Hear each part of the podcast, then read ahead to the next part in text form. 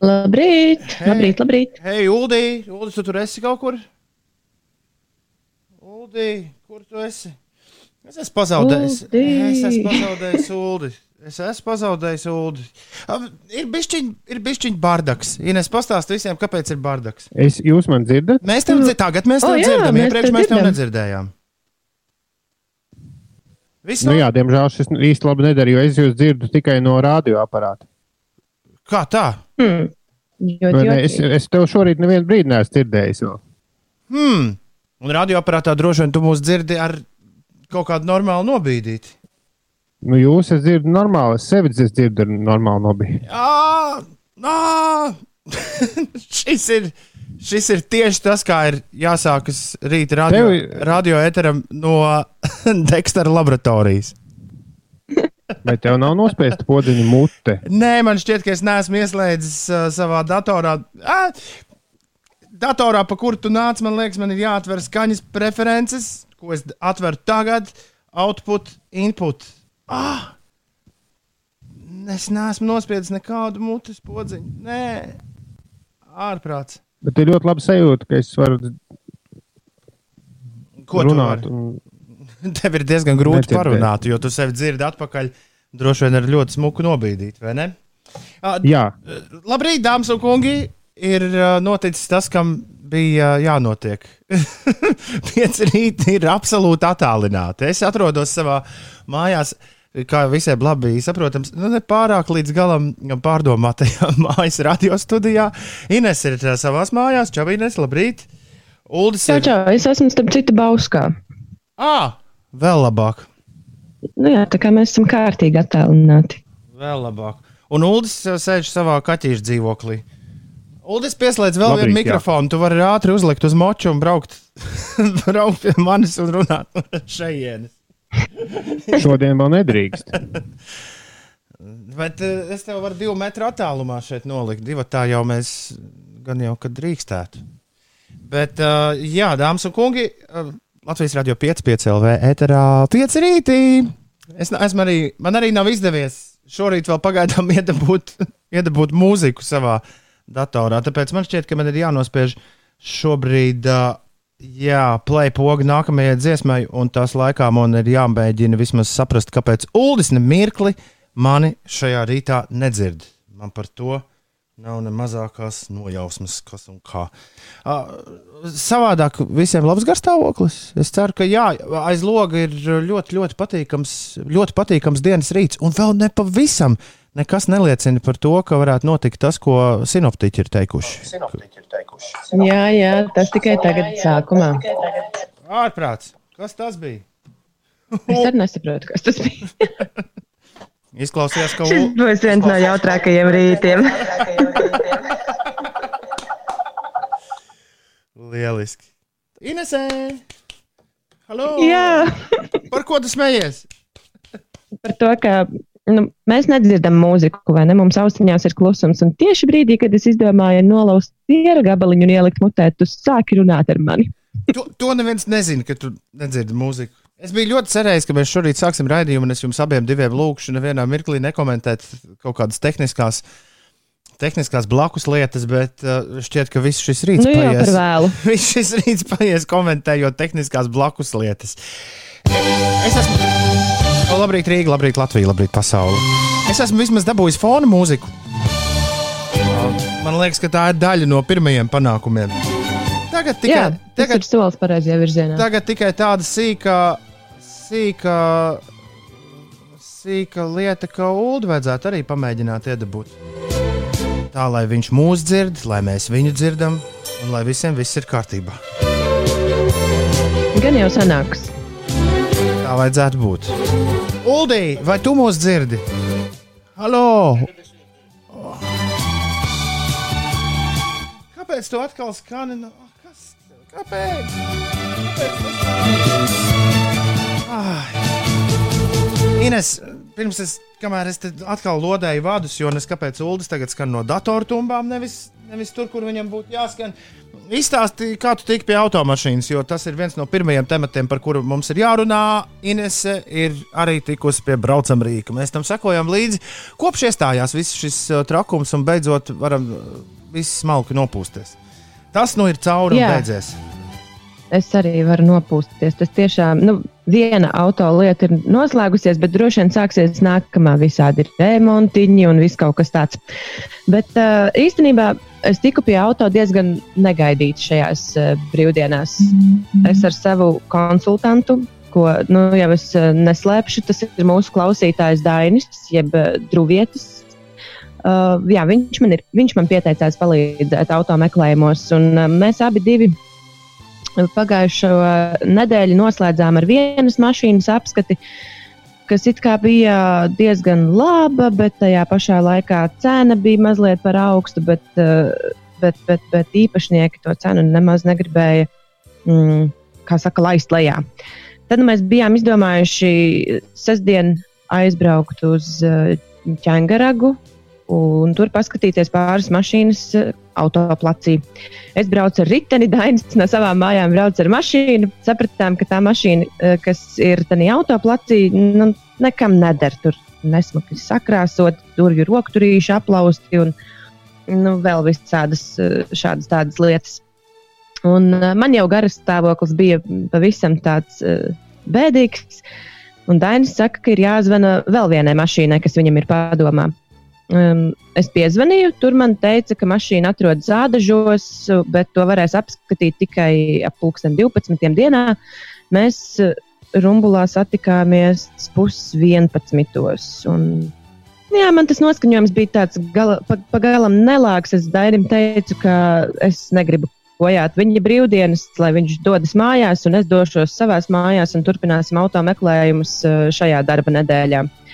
Bet tajā brīdī man atzvanīja mašīnītes saimniece un teica, ka mēs drīkstam uz tiem ādažiem braukt uzreiz, jo dēls parādīs to mašīnu. Tā nu manu velosipēdu mēs ielocījām Dāņa mašīnā un, un steidzāmies uz ādažiem.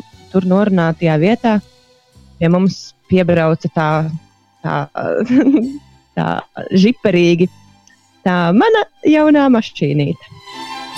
Jā, apskatījām, izbraucām, un, un kaut kā pavisam negaidīti sapratu, ka tā būs manējā.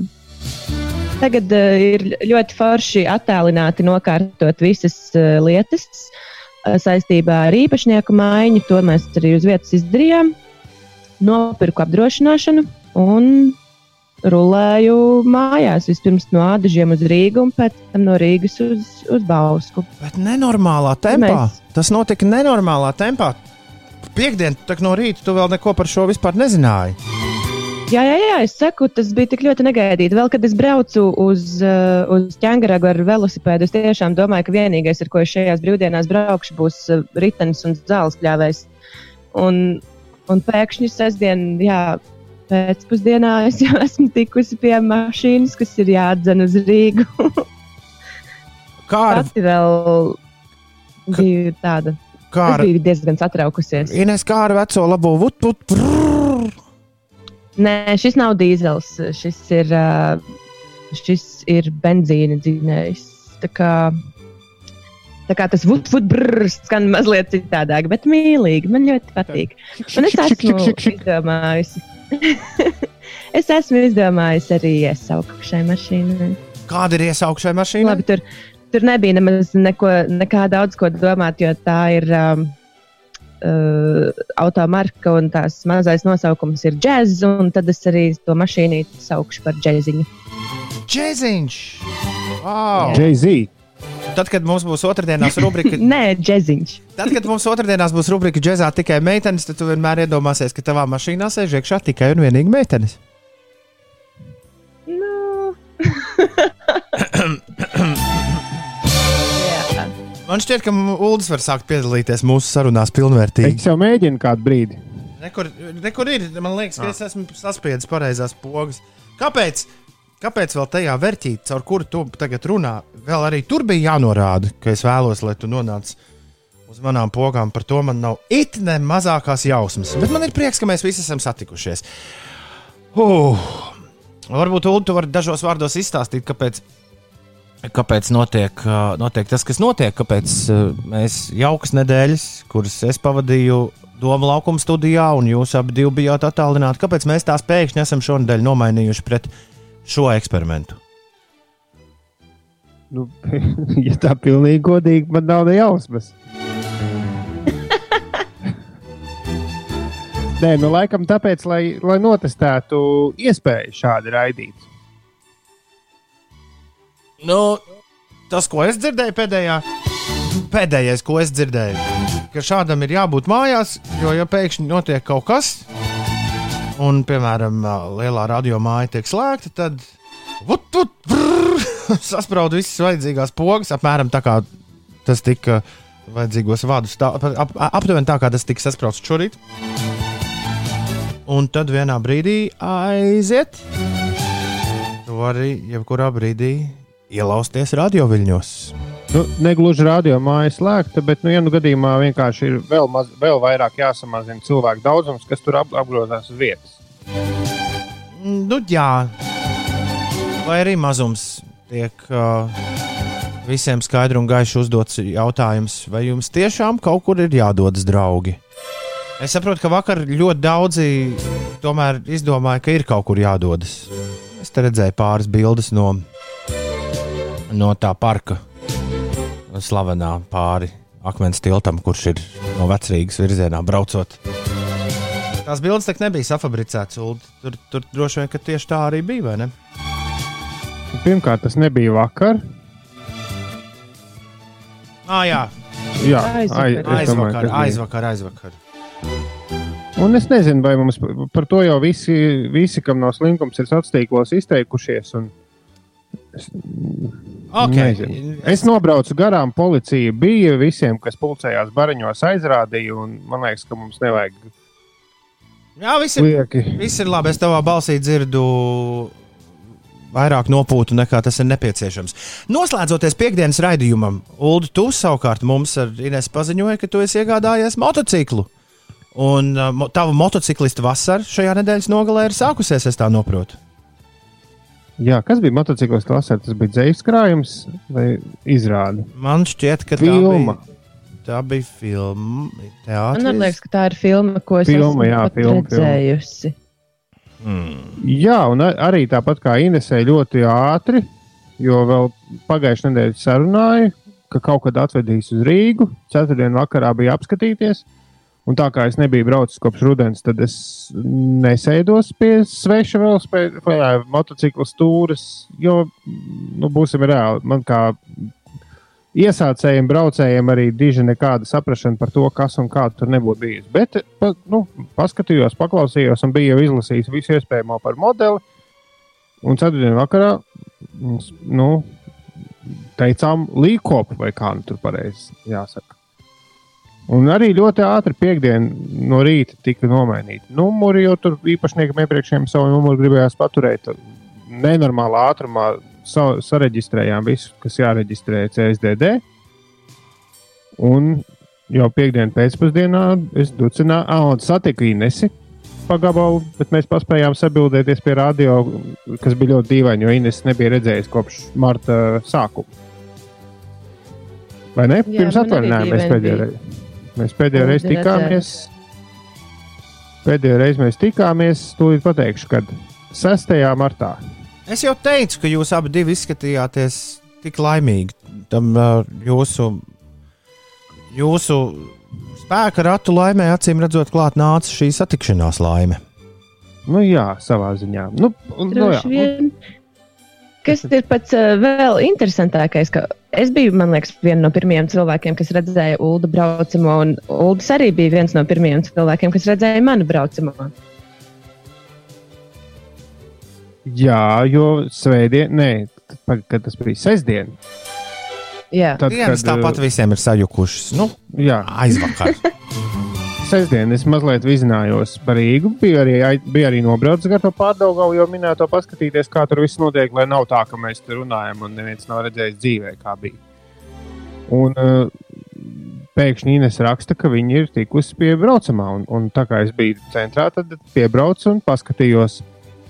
secināja, ka ir tie paši foršie aizmugures krēsli. Tā kā manai mašīnai un vispār mums ar Ines ir vienāds, gan arī viena gada mašīnas pie tam mums ir. Jā, ah, Jā man, man arī ir tas pats. Nu, nav svarīgi, kurš gads. Bet uh, svarīgākais ir tas, ko Uldis man pateica. Tas viens teikums, nu, tev piestāv. tas ir pats svarīgākais. Ines, man, tad, kad mēs sākām mēģinājumu šai absolūti distancētajai radiopārēdēji. Vakar pēcpusdienā Ines man stāstīja, ka ik viens vīriešu cilvēks, ko viņa pazīst, viņai dodot padomus par to, ko un kā tagad darīt ar jauno moci. Tu dab, tas ir uh, mašīna. Tu arī dabūji no Ulda kādu padomu?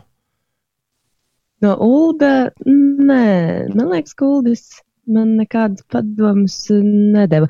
Man ir sarunāts, ka šodien es braukšu uz servisu. Mēs apskatīsim pie, pie Daņa. Viņam ķekavā ir eh, servis, tas, tas mans autokonsultants. Mēs sarunājām, ka paskatīsimies, kas tur mašīnai apakšā ir. Ir jau tādi mazi rūsas pleķīši, bet to man tā kā dēls ap. Dainis, Dainis apsolīja, ka es varēšu pati slīpēt un krāsot un pat tur ķimerēties to mašīnu. Kā... Jā, Ines, un tas arī tas, kas interesē mani, jo man ir vienām durvīm tāda pati rūsa apakšā. Un man, man pateica, ka nu, īstenībā jau nu, var tā vizuāli pieslīpēt mazliet, un ko, bet, ja tu gribētu tā galīgi, tad ir jāmaina visas durvis, un nav, nav vērts. Nu, brauc tāpat, Jā. un tāpat būs sāls un, un slapjums un sniegs, kā, kā gan šodien nebija. Tā kā man ļoti interesē, kā tev veiksies ar to slīpēšanu, varbūt tu varēsi arī manas tās vienas durvis pieķimerēt. Labrīt. Jā, bet es gribu tā pamatīgi iepazīties ar to savu mašīnu. Es izlasīšu arī rokas grāmatu, kas ir atrodama mašīnā. Pēters, lietotāja rokas grāmata. Eh, par to mēs noteikti vēl parunāsim. Pēters raksta, Ulu, kāda tipa mocis tev ir? Vai labāk kas par moci? Labs, es noziedojos. Viņi tur ir cits vārds domāts. Jā. Es nesaprotu šo vārdu, bet eh, šogad nepaņēmu. Mīkstinājumu zīme jāliek uz zēna. To tad es neteikšu. Šogad uz, šogad uz moci te nepaņēmu un neņemšu ar diezgan loģiski. Tā Pēters, Pēters raksta. Ir ietaupījis. Es, es, es uzreiz Pēteru pateikšu, man Instagramā īstenībā var apskatīt, un arī Twitterī, ja Pēters ir kaut kur tur. Bet es uzreiz pateikšu par to otro daļu, par to nepaņemšanu un neņemšanu ar. Uh, nu, zini, kā var sēdēt mājās un, un un priecāties par to, nu, nu teiksim, pie pa naudas lietām. Es, es ļoti daudz ar sevi par šo diskutēju, bet, bet sēdēt mājās un domāt par to, ka ir mazliet vairāk kaut kāda ietaupījuma, vai arī braukt ar mocu un secināt, ka naudas nav, un ja pēc ilga laika, pēc ilgām pārdomām saprast, ka tas otrais variants tomēr ir labāks. ļoti labi. Jo benzīnam jau vienmēr kaut kur sakas. Bet kāda tipa mocis, nu, Pastāst... to pateikt? Ļoti klasisks. Pastā, pastāstiet cilvēkam, kurš nekur nebrauc. Ar diviem riteņiem. Pastāstiet, vai benzīna cenas nav nokritušas. Es neesmu ir. šim sakojis līdzi, bet kāda ir atšķirība? Piemēram, cik bija pirms šis viss sākās un cik ir tagad? Nu, es zinu, ka gāzes cena ir nokritusi, un benzīna cena arī, un dīzeļa arī. Bet es, ja godīgi, es nekad neesmu, es pirms tam nezināju, cik bija. Līdz ar to man īsti nav nejausmas, cik. Es zinu, ka bija virs eiro un tagad ir zem eiro. Okay. Un tas, ir, tas izskatās ļoti iespaidīgi. Okay. Bet varbūt kāds zem mums var pateikt. Eiro benzīna cenas, ja? Jā. Jo es arī nepievērsu uzmanību pirmajā reizē, kad lēju degvielu mašīnā. Vienkārši. Jā, es vakar lēju 90. vakar lēju 98. un bija zem, zem eiro. Bija 9,4 kaut kas vai 9,8,4. Nu, kaut kā tā. Nu, gan jūs, izk jūs izklausāties, ka baigie lējēji. Jā, Pēters rekur raksta, kā... ka viņš ir pie zemes ticis, un elektrība jāvelk un visi pārējie izdevumi. Jā, nu ok, tas ir, bet tad to vismaz būs ko darīt. Tā ir labā ziņa. Tā ir labā ziņa. Nu ko, jūtamies bišķi labāk nekā pirms 20 minūtēm? Ines, Uldi, ko? Es krietni labāk, jā, es domāju, ka tu arī jūties stipri labāk. Nu, vismaz eh, redzot tevi savā ekrānā pirms 20 minūtēm likās, ka likās labāk tam tomam neko neteikt. Jā, mēs esam uh, tādā trīsstūrī ar Tomu, jo es redzu Tomu un Ines redz Tomu. Mēs vienīgi neredzam viens otru. Es tev arī, Ulu, redzu visai maz, jo no datora, kurā tu nāc, man diemžēl ir arī tur uh, scenārijs un, un, un, visā, un SMS un visi pārējie dokumenti. Skaidrs. Nu, tad, tas labi, jo man ir te- telefons ir tādā uh, lokanā kājā, un tad, kad es rakstu klaviatūras, viņš mazliet šūpojas. Līdz ar to varētu būt baisa skats uz mani. Bet jūs abi divi, lielākoties runājot, neskatieties, Nē, neizskatās, ka jūs skatieties man virsū. Līdz ar to ir sajūta, ka es vienkārši redzu divus cilvēkus, kur kaut kur šitā te uh, aizgriezuši acis, kaut, kaut kur runā. Bet ir forši. Kā es paralēli rakstu to, kas man ir jāraksta? Viss ok, viss arī ok, tas nav pārmetums. Darbojies. Tas nav pārmetums. Es mēģināšu nospēlēt pirmo dziesmu no Čekurkalna studijas. jā, bet rekur ir palīdz atrakstījis. Ko viņš ir uh, atrakstījis? Viņš pirms uh, vīrusa mašīnā pildījis dīzeli, neteiksim, kurā tankā par eiro 23. Eiro 20. Pagājušajā, Okay. un pagājušajā nedēļā ielējis par 84 centiem. Wow! Nu, labi, tur ir visādas, tur ir visādas, laikam, atlaižu kartes, vēl nāk klāt, un viss kaut kas ir bet vienalga. 29 centi nost. Nē, tas ir 40, 39. 39 nost. Tie ir labi 30%. Wow! Tas tiešām ir iespaidīgi. Skatoties ārā, man gan te ir uh, visi logi aiz muguras, kā to var dzirdēt. Diezgan, diezgan pamatīgi ir jāgriežas, bet joprojām ārā skatoties uz to jauko dienu, kas tur ir. Es nevaru noticēt tam, ko es redzu uh, šīs dienas laika prognozē. Šīs dienas laika Un prognoze tieši tu netici. ir uh, nepielūdzama. Ap pulksteni astoņiem sāksies vislētākā diena, kādu mēs pēdējā laikā esam redzējuši. Today very lucky! Congratulations to me! Yeah! Bet jā, būs, uh, būs interesanti. Ja tas ir īstais vārds. Šodien pārsvarā apmācies un lietains laiks gaidāms visā Latvijā. Vietām līs stipri.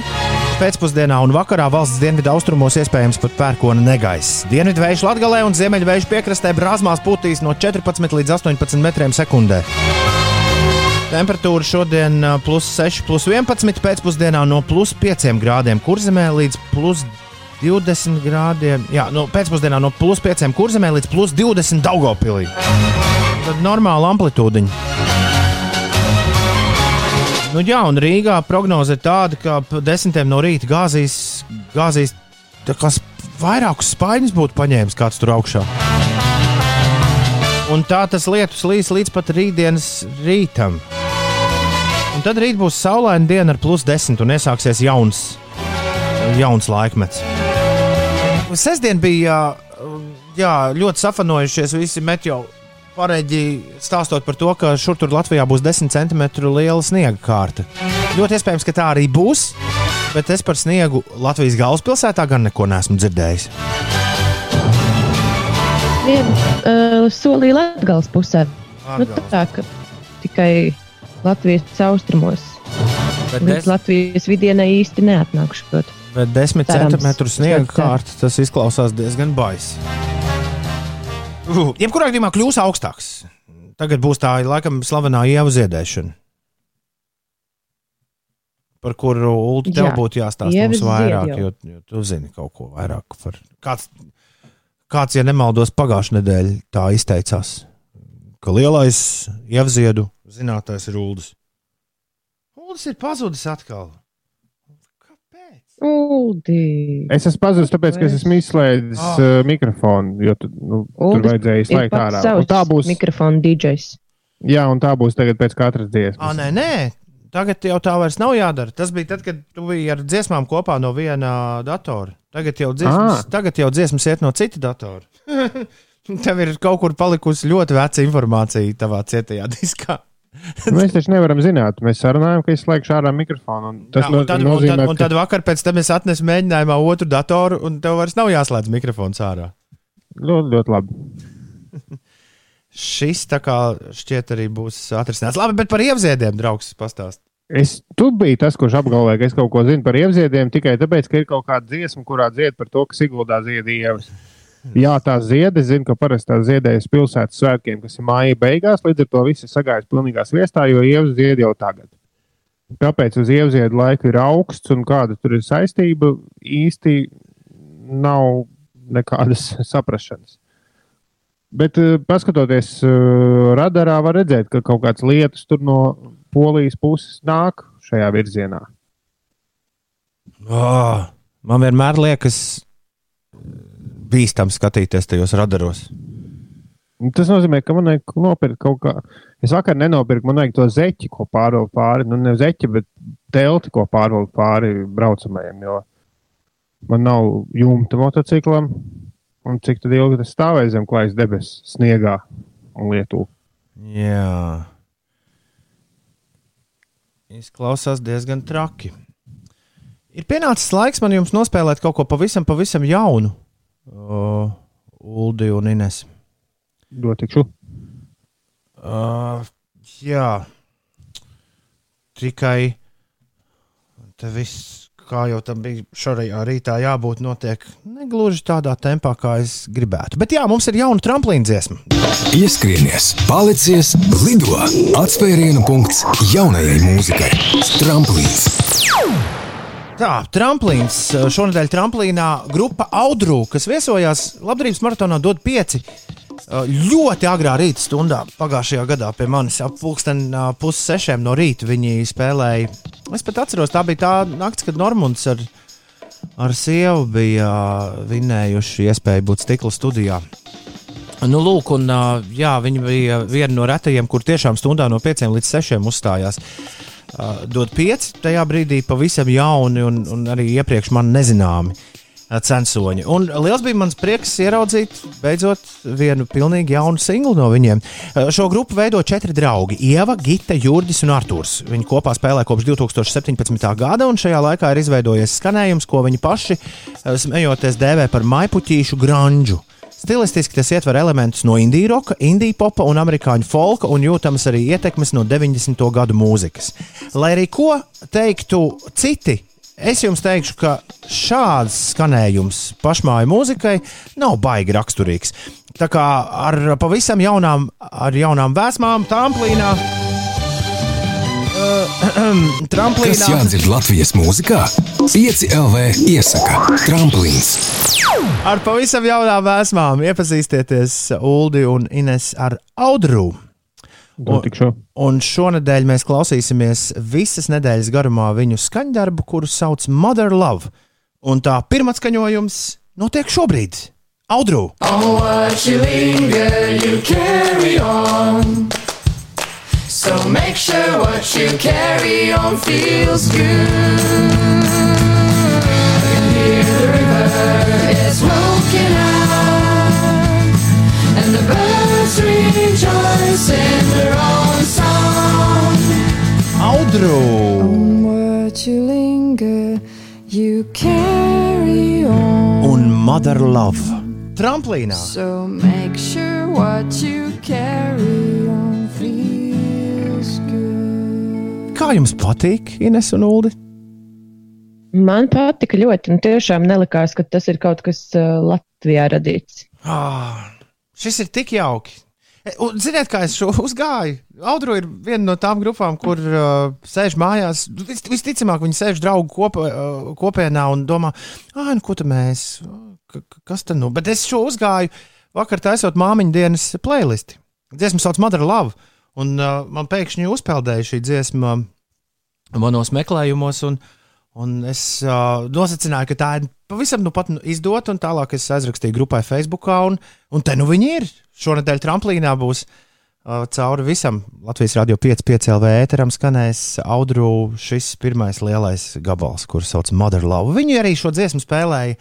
Uh, spēlēja dot pieci stikla studijā, un man ir uh, ļoti labā atmiņā palikusi iepazīšanās ar viņiem. Viņi bija arī Ulu mums aizdevuši kahonu Visiem, Ah. visiem mūziķiem. Viņi pat paši bija, izveidu, paši bija uztaisījuši kahonu, kuru izmantoja visi mūziķi, kas um, spēlēja uh, stikla studijā pagājušajā gadā. Ines, vai tu, atc, vai tu zini, kas ir kahons? Nē, kas U- tas ir? Lūdzu, pastāsti, Inesai, kas ir kahons. Kahons ir tāda, tāda kā koka kaste, kurā ir iekšā nu, tādas kā metāla, metāla tāda tā kā nu, te nevis tā kā sietiņš, bet, atsakot, lai par to koku kastu vairāk skanētu. Un principā tā ir tāda kā kājas. Tas tā kā kāju- bungas ir apmēram. Nu, tā ir tā kā bungas, ko spēlē ar rokām. Jā, un reizēm vēl pieliek klāt arī Ah, pedāli. es esmu redzējusi, jā. Jā, nu, tāda bungu kaste, skanīga. teiksim tā. Mm -hmm. Tici Tad to, man ir skaidrs, kas tas ir. tici tom, tas laiks no mūsu gala nāk, raksta Kaspars. Mums pilnīgs nelaiks. Kaspars ir Zviedrijā. Kaspars šorīt mums ir pieslēdzies no Zviedrijas. Mārim gan šķiet, ka nevis no Zviedrijas, bet no Dobeles nāk melnums. Un uh, vēl kāds ļoti cer, ka laika pareģotāji ir nenormāli izgāzušies. nu, skatoties uz joprojām jauko dienu, kas ir Latvijas galvaspilsētā, tā varētu šķist. Pastīsimies, pastīsimies, kā būs tad, kad mēs rādījumu noslēgsim. Jo tad pirmajām lietu slāpēm jau vajadzētu krist pāri galvaspilsētai. Kā būs, tā būs. To mēs redzēsim. Man arī aizloga. Kas tev aiz Labs loga? laiks. Kas tev ir? Labs laiks. Lab, labs laiks. Labs laiks. Labs, jā. labs laiks. Ļoti labi. 6,47 Inês pastāst mums visiem, kas notiek. Jā, bet Latvijas debesis pārsvarā ir klāja mākoņi, un saulainākais laiks saglabāsies tikai valsts ziemeļa austrumos. No rietumiem sāks līt lietus, vietām līs stipri, putīs lēns līdz mērens dienvidu, dienvidu austrumu vējš. Kurzemē maiznīga virsiena vējš un gaisa temperatūra saulēktā bija no plus 3 grādiem Madonas novērojuma stacijā līdz plus 14 grādiem Liepājas pusē. Tā kā Tāda diezgan milzīga atšķirība Latvijas vienā galā un, un otrā galā. Rīgā mākoņi pārklāja arī debesis, dienvidu vējš pūš ar ātrumu 3 līdz 4 m2 un gaisa temperatūra plus 9, plus 11 grādi. Saistībā ar siltumtrases izbūves darbiem no šodienas līdz 16. maijam slēgts transporta līdzekļu satiksmi no Strēlnieku ielas 17 līdz Strēlnieku ielas un Lenču ielas krustojumam. Tas galvaspilsētā un vēl Rīgā saistībā ar lietus ūdens kanalizācijas izbūves darbiem no šodienas līdz 21. jūnijam ierobežos satiksmi un gājēju kustību Rāņķa dambī pie ēkas ar numuru 30. Latvijas Kultūras Akadēmija 30 gadu jubileju atklās ar festivālu digitālajā vidē un studējošo tiešsaistes konferenci Zinātmāksla. Tas no šodienas līdz piekdienai. Ok. 6,49 šeit. 5 rītī. Šodien ļoti īpašs pārraide. Un tādas te būs uh, cauri visai šai nedēļai pārraides, jo mēs testa režīmā esam uh, nomainījuši mūsu galveno studiju. Es gandrīz pateicu mātes studiju, bet tas izklausās tā, tā diezgan dīvaini, ja šādi to sauc. Bet, uh, jā, es šobrīd atrodos nevis Doma laukumā, bet uh, savā, savas mājas garāžā iekārtotajā oficiālā plašu glabātuvē, kas ir pārvērtusies arī par radiostudiju. Un uh, Ines man ir piekonektēta uh, caur telefonu, Ulas ir piekonektēts caur datoru, man ir vēl viens dators, no kuras spēlēju dziesmas. Un, un tad es varu vēl visu kaut ko palaist no šīs kastītes, kas man, kas man palīdz visu šo kopskaņu savākt. Piemēram, re, kur ir aplausi, re, kur ir smiekli. Ja kāds pasakā kaut ko galīgi garām, tad var šādi nospiest. Ir arī šis pie rokas. Tas labs. Viens ir tukšs. Es vakar ierunāju mūsu. es nevarēju mūsu, Uldi, manu un tavu pīdu dabūt iekšā, tāpēc es ierunāju jaunu. Nē, šis neskan labi.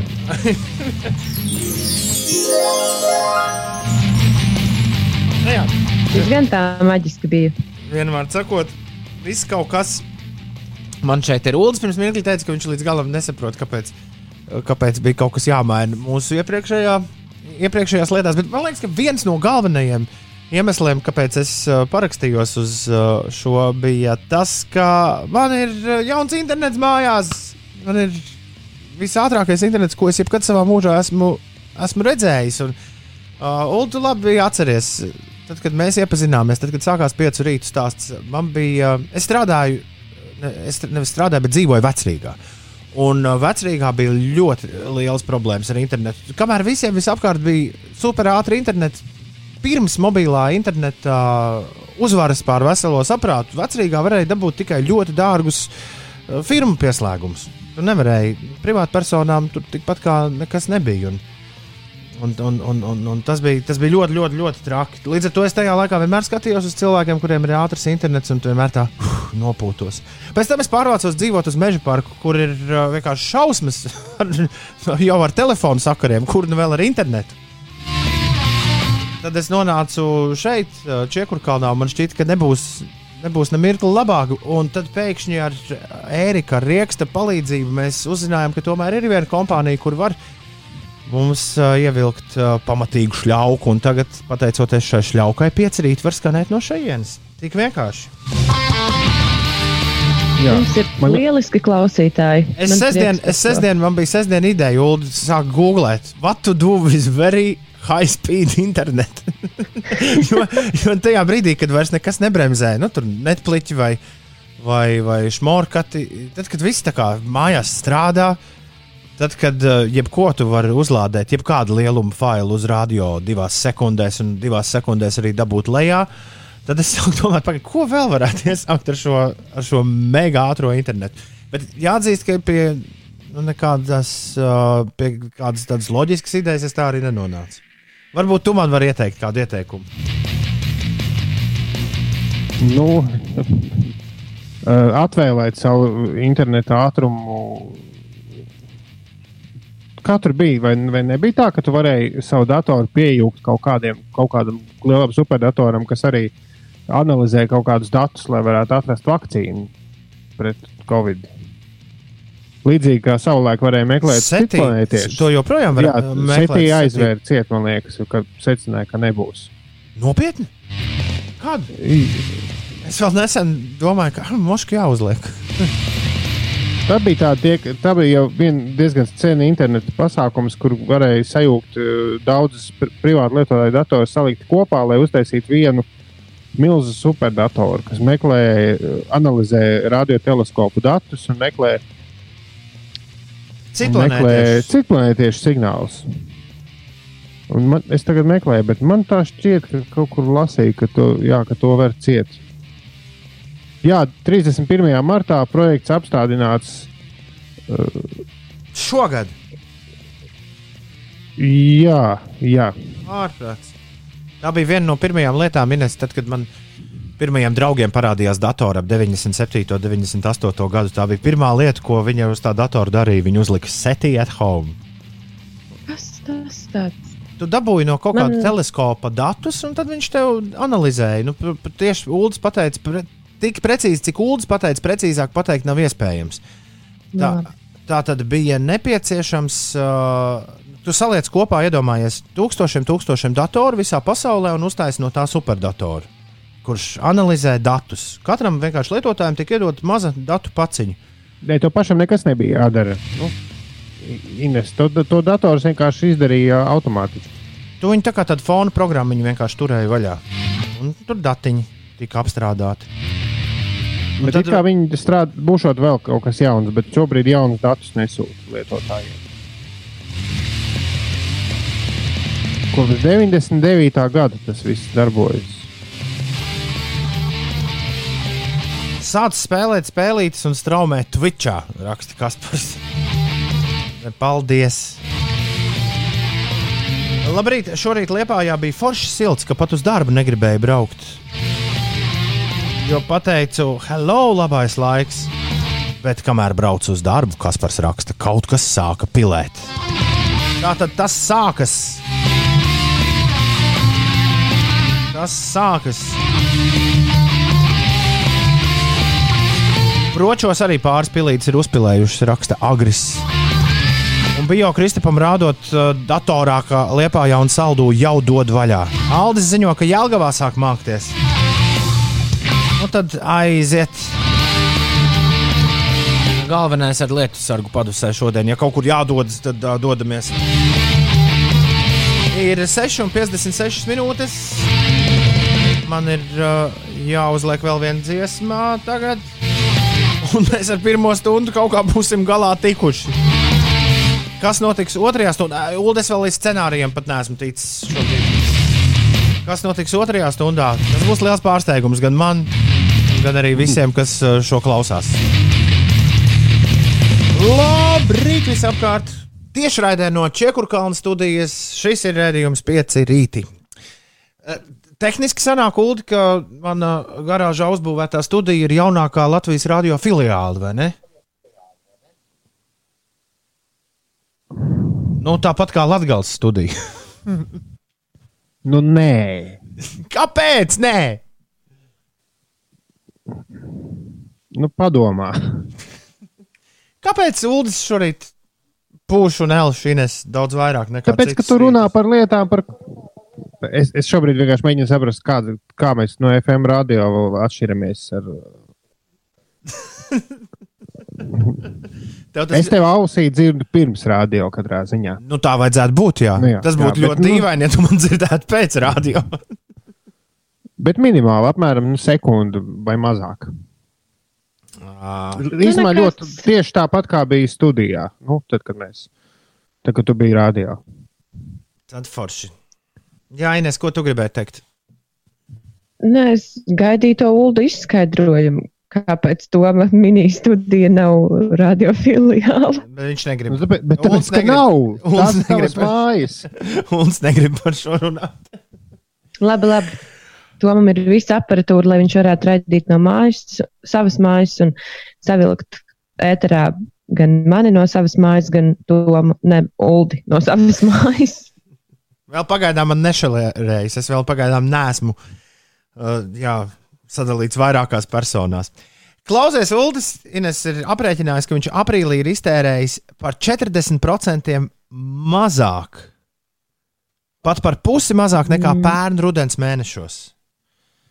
Kāpēc tā? Un, Naudiņu, jā. U, jā, un kur rodas ietaupījums? Nu, man gribētos ticēt, ka tu nepērci visādas, visādas sīkumus. Bet, Jā, bet es, es nevaru saprast, kādus. Jo, teiksim, visādas lielas lietas, nu, tur drēbes vai kaut ko es pērku no citas kartes. Šī ir karte tikai pārtikai un ikdienas tēriņiem. nu, bet ikdienas visādas limonādītes, pīrādziņi un Jā, vēl vis Tu kaut kas. nopērc uh, pārtiku reizi nedēļā, visai nedēļai, vai ne? Un, un ar to arī visu nedēļu iztiec. Tu nē, Nu, katru dienu uz veikalu nopirkt pa kādam našķītim vai vēl Nu, kaut tas ko. taisnība, bet, nav, bet man nav sajūta, ka man to našķīšu būtu mazāk. Ir pat sajūta, ka vairāk. Var jau būt, ka tā, tā atslēga ir tajā, ka es nevazājos nekur apkārt. Nu jā, bez tā, nu, tieši tā. Tu nestaigā ārā un nesatiecies ar draugiem un nav iemesla aiziet uz kādu kafiju vai kādu citu dzērienu vai kūciņu kādā kafejnīcā. Bet Jā, tad to es tā kā nedarīju arī iepriekš īpaši. Man, man šī ir mīkla, kur, kur tā nauda ir. Nu, vienīgi, jā, var, laikam, kad ir atkrituši kaut kādi spontānie, neplānotie, tiešām ieskrien veikalā nopirkt pīrādziņus, piemēram, rītam. Man tagad arī ir pīrādziņas. Vakar speciāli aizgāju nopirkt, lai man būtu, jo man- es esmu ies- ieviesis arī pīrādziņu pirmdienas. Bet 50%, bet 50% apsveic ar to. Ka tik pēc pīrādziņa pirmdienām nenāk svara nedēļas. Nē, man eh, svars stāv uz vietas, līdz ar to pilnīgi. Es esmu sapratis, ka var darīt jebko. Kā tev ir noveicies? Man Nu, ir nav jau mazliet tā, ka- nokrities svars. Ko Nav lūdzu? jau tā, ka Ko Ines teica? Es teicu, man ir mazliet nokrities svars. Wow! Nē, man nav tā, ka tas svars ir tāds, kādam vajadzētu būt. Tas gan ir par daudz, bet vismaz nenāk klāt. Jā. Es ceru, ka, nu, ka nebija tā, ka man svariem tur baterija bija izbeigusies vai kā. Cipars bija iepriecinošs. Jā, bet tom tu prasīji par 50%. Nu, jā, tas ir daudz. Tas nav nu, nekas tāds. Acīm redzot, tu vienkārši tagad mēs zinām, cik tu iztērēji kafejnīcās, darbais kolēģi. Proti, es domāju, tajās piekdienas un sestdienas vakarā kafejnīcās. Arī tā nav vairs. Arī, ta, arī tas ne, neskaitās. Labi, tas bija decembrī. Bet, uh, nu, salīdzinot pat pret janvāru, februāri, nē, es esmu staigājis pa klubiem. Un lielākā pārtikas, uh, nu, tur parāda, kurā, kur tu esi iztērējies. Vislielākā tēriņa bija pārtikas veikali. Līdz ar to kaut kādā mistiskā veidā, neko sev it kā neatsakot, varbūt pat atļaujieties mājās sēžot mazliet vairāk, jo jo gribas visu laiku kaut ko našķoties. Ir kaut, kā, kaut kā, ja, ja es šo atkodīšu, man šķiet, ka ar šo varēs pelnīt par daudz naudas. Un kāds raksta, Ulim ir lielāka alga. Nē, pirmkārt, alga ir bišķiņa mazāka, lai cik tas dīvaini nebūtu. Un uh, es runāju absolūtos skaitļos, nevis procentuāli no algas. Es nesaukšu, cik tur es iztērēju mēnesī, bet, bet tiešām salīdzinot ar oktobru, novembru, decembri, ir precīzi 50% no tā. Kristaps ir Kristaps tikmēr Ulu tev ir sastādījis grafiku nedēļai. Tad pierādziņa pirmdienas, bulciņa otrdienas, kliņģerīša trešdienas, kūciņa ceturtdienas. Un atkal pie- pierādziņa piekdienas. Es pieprasu vienu dienu arī tiem preceļu, tiem kliņģerīšiem ar sāli. Es domāju, ka tas ir pie trešdienas. Kliņģerīši. jā. Līderiešu trešdiena arī ir tas. Tieši tas. Uh, man vajadzētu izdomāt, kā es varu kājās piecelties savā, savā garāžas studijā. Jo savādāk, ne, jo savādāk mēs esam. Pūkstens ir 7,13. Es esmu sēdējis sākot no pūkstens 6 no rīta, un sajūta galīgi nav, nav laba.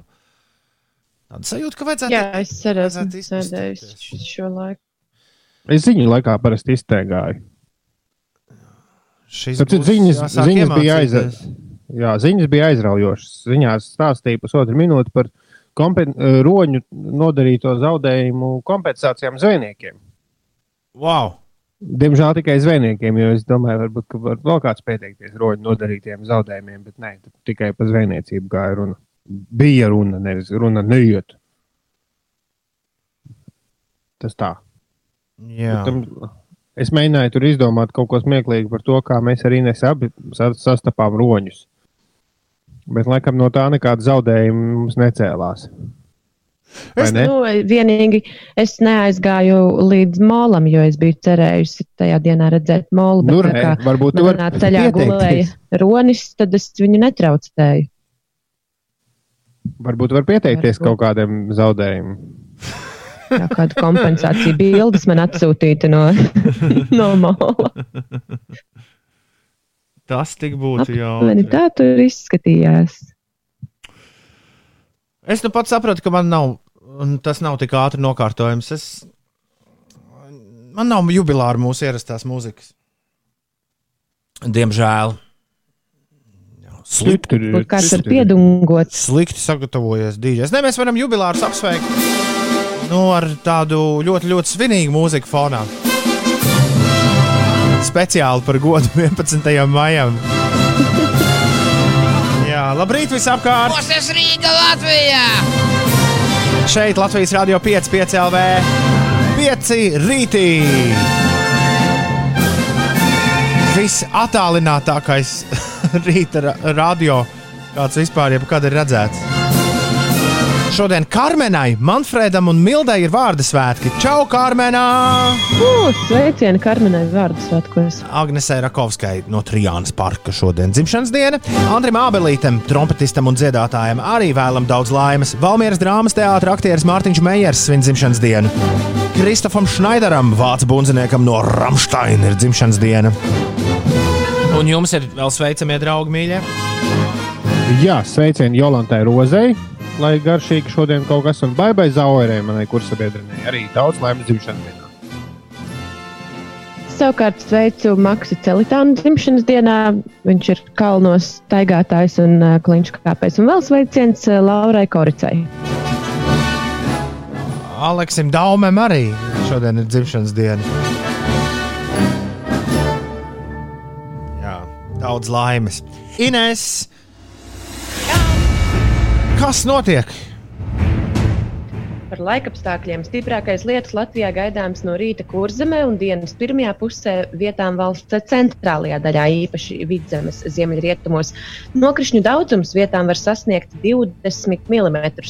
Nelieli nokrišņi gaidāmi visā valstī. Diena būs pārsvarā apmākusies. Austrumu novados pastiprināsies arī vējš, piekrastē ziemeļu vējš. Gaidāmas brāzmas līdz pat 15-19 metriem sekundē. Kurzemē diena būs krietni vēsāka nekā nakts. Gaisa temperatūra pazemināsies līdz plus 4, plus 7 grādiem. Savukārt eh, maksimālā gaisa temperatūra Austrumlatvijā būs plus 14, plus 19 grādu. Latgales dienvidos iespējams vēl par dažiem grādiem siltāks. Savukārt Rīgā dienas pirmajā pusē gaidāms lietus, eh, kas būs stiprs, vēlāk gan līs eh, brīžiem. Tas tepat galvaspilsētā. Eiropas Futbola Asociācijas Savienība noraidīja viedokli, ka noteikti termiņi Čempionu līgas atsākšanai pēc tam, kad Lionas Olimpika prezidents Žants Mišels Olā paziņoja, ka viņa klubs tiksies ar Turīnas Juventus 7. augustā. Bet koronavīrusa dēļ Eiropas futbola sacensības ir apturētas, un UEFA ir devusi priekšroku nacionālajām līgām vietējo čempionātu pabeigšanai vispirms un tad tikai notiks uh, cita veida futbola spēles. Nu, skaidrs. Vairāk klausītāji prasa, kas Inesai atgadījies. Inese vienkārši uz Bausku ir aizbraukusi. Es nedomāju, ka tas tik ļoti ir pie vainas, jo šeit man dators ir pieslēgts pie interneta ar vadu. Uh, Nē, in, ar internetu viss ir kārtībā. Tev ir. Kas, kas Halo! Ulu, tu kaut ko sāki teikt Inesai, un tad tu pēkšņi apstājies. es, es vienkārši ļāvu Inesai izrunāt līdz galam, bet Ines pazuda. Ines izgājis savā domās. Es Ines ļoti labi redzu. Es redzu, ka viņa ir ieb... iegājusi sevi šobrīd. Ines nāc ārā! Nāc ārā! Šeit, šis joprojām ir rīta radio. man mazliet augsti ir, tāpēc es esmu apsagusies vēl ar uh, kaut ko sagāju līdzīgu. Pamēģini to segu pārlikt pāri galvai, un tad, tad pazudīs tā telpa. Tad tev būs sajūta, ka tu esi rīta teltī ar mums kopā. Nu, mēs nesmējamies, tad, kad mums sūtīja Jā. bil, bildes no sabiedriskajiem radio visā Eiropā. Tur daudzi žurnālisti bija rakstīju, ierakstījuši audio ar sēklu Es zinu, jā. Bet nē, nē, nav tik traki. Man jāveido būs tunelis uz tāds. Ah, nu es nu varbūt varētu tādu telti no segas uztaisīt, jo man ir divi datori. Vienā datorā es esmu pieslēgta ar mikrofonu austiņām, un es redzu tomu tajā datorā. Otrā datorā ir ziņas un īziņu mašīna un, un viss, kas cits. Tu redzi, Toms, jo Toms ir nolicis telefonu kā vajag, jo Toms nemāk. Man nav nekāda statīva, līdz ar to es, es nevaru normāli uzlikt. Tur parasti redz manu galvu kaut kur. un, un labi, ja to. Bet, ja mēs ja nu kaut kas man nav, tad, uh, tad normāli telefona statīva man nav. Ja mēs te vēl pa Saka, virtuvi runājam, Ka iet Jā, Ines? dievu drāti. Tā iet no ērgļiem saka. Jā, drusku tā kā trubā, brīžiem pazūdot burti man. Es varu mēģināt runāt lēnāk, lai tie burti nepazūd varbūt. Varbūt. Un ļoti labu dikciju. It īpaši šajos, artikulēti. šajos apstākļos. Uldis vēl kaut ko par virtuvi vēlējās teikt. Nē, es vēlējos teikt, ka tev man šķiet, tas statīvs ir īsti nav pareizais. Jo, jo ja, tev, li- ja tu liecies uz leju, lai speciāli lai runātu mikrofonā, skaidrs, ka tev katru reizi tas attālums līdz mikrofonam mazliet atšķiras. Man ir ier, ierīkots tā, ka man mikrofons gribot, negribot visu laiku stāv vienā vietā pie pašas mutes. Un Kā tu, Apmēram, kā tu redzi, Ines, un Ulu, tu arī redzi. Man ir tieši tāpat. jā, apmēram centimetru man tā teica turēt. Man, diemžēl, nav tā porloniņa, bet viņai laikam šitiem nevajag. Aptuveni centimetrs no mikrofona. Es tā cenšos. Nekas, nekas. Ja es, ja es runāju pavisam klāt, tad ir šādi. Nekas, nekas. Šodien šo raidījumu analizēs tehniskais dienests, un rīt jau būs atkal visādi jaunumi, jaunumiņi. Jā, par laimīgo sauc to, kurš no Bauskas brauc ēterā bijis. Tā ir Jānis Strīķis. Tāds līdzīgs kaut kāds teiciens, jā, te ir. Nu, es neesmu tieši bauskā, es esmu starp bausku un iecevu. Tā kā es neesmu īstena baušķiniece. Okay. Šodien dzimšanas dienas svin arī Ilona Dzērve no tautu meitām. Hip hip urā un lai jums forša diena, draugi. Tā saka Vineta. Tev arī Un, forša diena vina. un Tomā saka, labs rīts, Tom, es tev varu aizdot labu statīvu. tas man diezgan, tas man liekas diezgan dūmi aizņemties telefonu statīvu speciāli nu, no Es cilvēka. nopirku, es nopirku par pāris eiro lielisku tādu apmēram, Jā, tīģerīšu Nu. veikalā. jā, kaut kā apmēram pusmetru garu tādu lokanu, bet ļoti cietu lokanu vadu, ko tu vari izlocīt un ar, ar milzu knaģiem abos galos. Un tu viņu vari izlocīt jebkur kaut no griestiem. Ah. Šī, Man ga- arī tādu laikam vajadzēs. šī galīgi nav slikta ideja. Ir, Viņš lieliski noderēs arī starp citu visādos laivu, tur DJ lietās un tajās. Wow. Skaidrs. Jāiet uz tīģerīšu veikalu. Kur tu aizgāji, Ines? Ko? Kur tu staigā apkārt? Halo! Es aizgāju aizvērt durvis, jo es dzirdēju, ka mājās kāds ir pamodies. Tas ir tik interesanti jūs abus divus redzēt pēc visām šīm nedēļām, kuras esam pavadījuši pilnīgā tumsā viens ar otru. Viens ar otru bijuši. Oh, tā, tā, tā, tā, tā. Kas te notiek? Ir pirmdienas rīts, joprojām aiz loga ir saulains, bet uh, sāk mākties. Tas galvaspilsētā. Citur, es saprotu, jau gāžas lietus milzu straumēm. Kur zemes pusē visvairāk? Ja gadījumā tu šobrīd esi tur, kur uh, gāž milzu straumēm, lūdzu, padod mums ziņu, lai mēs arī varam zināt, kur tieši tas notiek. Būtu forši to uzzināt. Uldim sāp dibens šorīt. Nē, šodien nē. Uldis gribēja pasūdzēties visiem, ka viņam sāp dibens. Man ļoti patīk. Jā, labi. Kas tev patīk? Nē, man, man ir fascinēja, kā mums, nu, mums, ir, mums ir scenārijs, kurā mums ir sarakstīts visas tādas lietas, kas kuram aktuāli. Un tā kā es to rakstu, tad, diemžēl, tur sanāk pārsvarā tikai manējās. Un uh, man ļoti patīk, kā tu piesaki vienmēr šo te. Uldims, nu, Uldims apdibē. Bet tā ir! Uldim, den, Bet tā ir, un, un tev vakar sāpēja dibens, vai ne? Nē, es nu, skaidrs, ka, tāpēc, ka es neesmu, es neesmu pieredzējis motobraucējs. un Vakar braucu uz Sigūdu un pēc tam tādu riņķi caur raganu atpakaļ. un Kopā kaut kāda 100 km sanāca, kas nav daudz. Bet priekš nepieredzējuši braucēji pirmajai dienai bija diezgan sarežģīti. Sēžas muskulatūra dabūja trūkties. Un tagad man ir, diemžēl, būs lietus un nebūs laiks, bet tagad es esmu salasījies visādas ieteikumus, kā tur vajag mainīt pozu un ko, un vai arī vienkārši, vai arī man liekas, ka vienkārši tas ir pieredumi jautājums. Līdz ar to jātrenē sēžu, bet, ja kāds domā, ka tā motobraukšana ir tikai prieki un, un, un, un laime un līksmība, tad nē, sapdibens. Ā, Iespējams, ka tev vajag kaut kāds īpašs vingrinājums, nu, kurus veikt. Bet Tev vai tad nav tās uh, super īpašās braucēju bikses? Tur Jā, bet motobiksēm polsteri nav vai kas? polst. Motobiksēm vismaz šīm nav polsteri, tā kā velosipēdistu biksēm. Es vajag tieši par to iedomājos. Man Inês vakar rādīja kaut kādu jaunu stulbīgu, kur cilvēki pliki liek sev virsū uz tas- nav nekas jauns. Ko? Tas ir diezgan vecs stulbings. Kā to sauc? Tas ir tas pillow, pillow challenge. Bet tas jau, ir, tas jau ir Izrādās, ko tas ir, izrādās, ka, izrādās, ka tas ir kaut kas vecs, un tev tas nemaz nebija jā, jāzina. Jā. Kas tas tāds ir? Nu, pillow challenge. Tu uzliec virsū uz pilvenu sev. Kaut kādā veidā piestiprini. Un tev arī vajadzētu pie piestiprini ar- sēžas. Tev vajadzētu pie sēžas piestiprināt Jā. mazos pilventiņus, un tad tev viss būtu kārtībā. Jā, tikai izskatītos stulbi. Vai tev ir jaka kā tam džekam no kriminālās ekscelences fonda?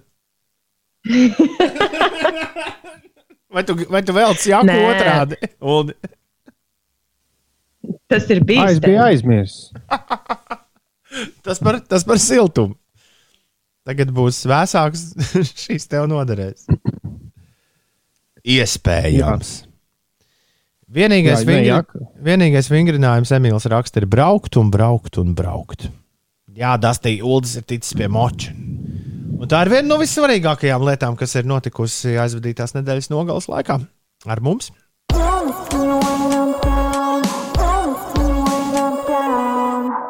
Laimīgā XAEA 12 uh, māmiņa grāmatas jūsu uzmanībai, nu pat ēterā. Es izrunāju pareizi viņas un Ilona Maska bērnu vārdu.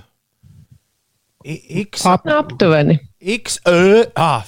Tas AE Jā. varētu būt Ö, X, Ö, A12. Mamma.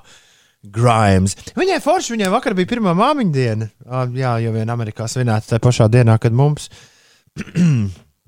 Bet uh, mēs varam Man- iedomāties, ka viņai vakar bija māmiņa diena. Man liekas, ka svin tajā pašā dienā, kad mēs vismaz uh, Instagramā tie amerikāņu jaunieši, kuriem es sekoju, arī dalījās ar bildēm ar savām mamām. Ah, forši. Kā jūs māmas apsveicāt? Es tikai pa telefonu. Mēs pēc nedēļas tiksimies. Māma ieradīsies uz, uh, esam tā nolēmuši, ka darīsim to lietu. Uh, Māma ieradīsies uz Edvīna vārdienas svinībām, un, un tad es domāju, viņa pārsteigt ar, viņa neklausās šo raidījumu. Tad viņa pārsteigt ar ziediem. Bet, uh, bet es tikai un vienīgi mutiski. Kā jums gāja? Es Nu, biju. Es laikam esmu. Jā, Ines. Nē, tu vari turpināt. Saki, saki. Tu biji Tad es- Siguldā. Es biju Siguldā, jā, un pamāju, nu, ne, nebiju ciemos, bet biju piebraucis pie balkona. Ok. Un tā aprunājāmies, jā. Tā kā klātienē un te pašā laikā neklātienē. Jā, un tad sanāk, ka es esmu mazliet tā kā pārkāpusi noteikumus, jo es ierados savā pagalmā ar savu jauno auto. Un Nu te tā. arī es esmu palikusi. Tagad dabūs mums pirkt pīrādziņus visu gadu. Tad, kad mēs atgriezīsimies atpakaļ ēterā, visi trīs visu gadu piekdienās, pīrādziņi būs no tevis. Ir uh, Ai, 7,44 minūtes, Ines. Kas notiek? Ir eh, kārtīgs sastrēgums, eh, kur jau ierasts uz A8, jeb šo Jelgavas eh, šoseis, tur posmā no Olēnas līdz Jaunolainai pavadīsiet mazliet vairāk nekā 25 minūtes Rīgā. Sastrēgumi visai nelieli Kruspils ielā posmā no Rencēna ielas līdz Granīta ielai jārēķinās ar 9 minūtēm, Katla kalna ielā 5,5 minūtes pavadīsiet ierastajā vietā uz A7 posmā Kroksils paložu pagrieziens. Ar 7 minūšu kavēšanos ir jārēķinās, bet citās ierastajās sastrēguma vietās aptuveni 2 līdz 3 minūtes pavadīsiet. Latvijas Kultūras Akadēmija 30 gadu jubileju atklās ar festivālu digitālajā vidē un studējošo tiešsaistes konferenci Zinātmāksla. Tas būs no šodienas līdz piekdienai. Latvijas Kultūras Akadēmija aicina pievienoties festivālam digitāli, kas prezentēs, tajā prezentēs studentu pētniecisko un radošo veikumu. Eiropas Futbola Asociācijas Savienība ir noraidījusi viedokli, ka ir noteikti termiņi Čempionu līgas atsākšanai. Koronavīrusa dēļ Eiropas futbola sacensības ir apturētas, un UEFA ir devusi priekšroku vispirms izspēlēt Nacionālās līgas vietējos čempionātus un, un pēc tam ķerties klāt lielāka mēroga futbola spēlēm. Un, jā, šodien uh, līs lietus. Stiprākais lietus Latvijā gaidāms no rīta kurzemē, bet uh, pēc tam jau arī citvietā Latvijā. Liepājā gāžot kā ar spaiņiem jau kādu stundu. Tā mums ziņo Jā. klausītāji. Brrr. Un tas viss mums tuvojas. Tas viss mums tuvojas. Rīgā būs pilnīgi apakalipse ap pusdienu laiku. Paskatīsimies, vai Jā. nu tiešām būs. Uldim ir jāsameklē savam mocītam gēla krēsls. Tad tev viss būs feini. Nu, jā. nu, pagaidām es ne, neveikšu modifikācijas. Mēģināšu tā kā kārkliņš raksta, vajag vienkārši biežāk pabraukt, lai dibens pierod. Jā. Un arī saldu arī līst. Dzintars ziņo, saldus arī šajā rītā ir lietains. Skaidra bilde. Ir uh, 7,46 un tagad būs Ineses geogrāfijas spēle. Jā, es esmu sagatavojis jautājumus. Toms redz tikai lapiņu un neredz, kas man tur sarakstīts virsū. Es ceru, ka jums katram pie rokas arī ir lapiņas un rakstāmie, Lai nu un kā- jūs jā. varat. Lai nu kas nav, tas nav, bet es mēģināšu kaut kā, kaut kā, kaut kā uz datoru to darīt. Es varētu padot. Nu, labi. Jā, bet nu, caur ekrānam tu nevari padot. Klausītāji arī šajā spēlē drīkst piedalīties, rakstot ziņas uz 293, 202, un pirmais jautājums geogrāfijas spēlē skan šādi. Kurās divās pilsētās būtu noticis kāds nozīmīgs komandu sporta pasākums no 8. līdz 24. maijam šogad? Vai jūs dzirdējāt jautājumu? Ļoti labi. Jā. Ja? Tātad, kurās divās pilsētās šis sporta notikums būtu bijis? Otrais jautājums. Kā sauc nelielas, neapdzīvotas klinšu saliņas eh, jūrās? Tās pārsvarā atrodas Somijas, Zviedrijas, Norvēģijas un Kanādas teritorijā. Bet, lai mazliet jums pateiktu, priekšā šāds pats vārds kā šīm saliņām ir arī kādai armēņu izcelsmes ASV popmūzikas dziedātājai. Tā tad vēlreiz. Kā sauc nelielas klinšu saliņas e, jūrā? Jā, viss jautājums vairs nav. nav viss, viss kārtībā. Paldies. Pa, jā, viss skaidrs. Trešais jautājums. Kurai valstī vienīgajai pasaulē ir sava oficiālā smarža? Wow! Jā. Labi. Ceturtais jautājums. Ja pasaules valstis sarindotu pēc nosaukuma alfabētiskā secībā, kura būtu pirmā valsts? Wow! Man patīk šīs dienas geogrāfijas spēles jautājumi. Brīnišķīgi! Un citās reizēs tev nav paticis. Un ā, pēdējais jautājums pavisam vienkāršs. Kurā dienā Latvijā svin māmiņu dienu parasti? Ko lūdzu? Kurā dienā Latvijā parasti svin māmiņu dienu, jeb mātes dienu? Nu, kas tas par jautājumu? Vakardien! Vakardienā. Jautājums diezgan loģisks. Jā. Māmiņa. Ok, labi. Šis. Uh, Labi, ka jā, loģikas filtrs, Ulrichs Ziedņš saka, ka ir viss loģiski, tad viss ir kārtībā.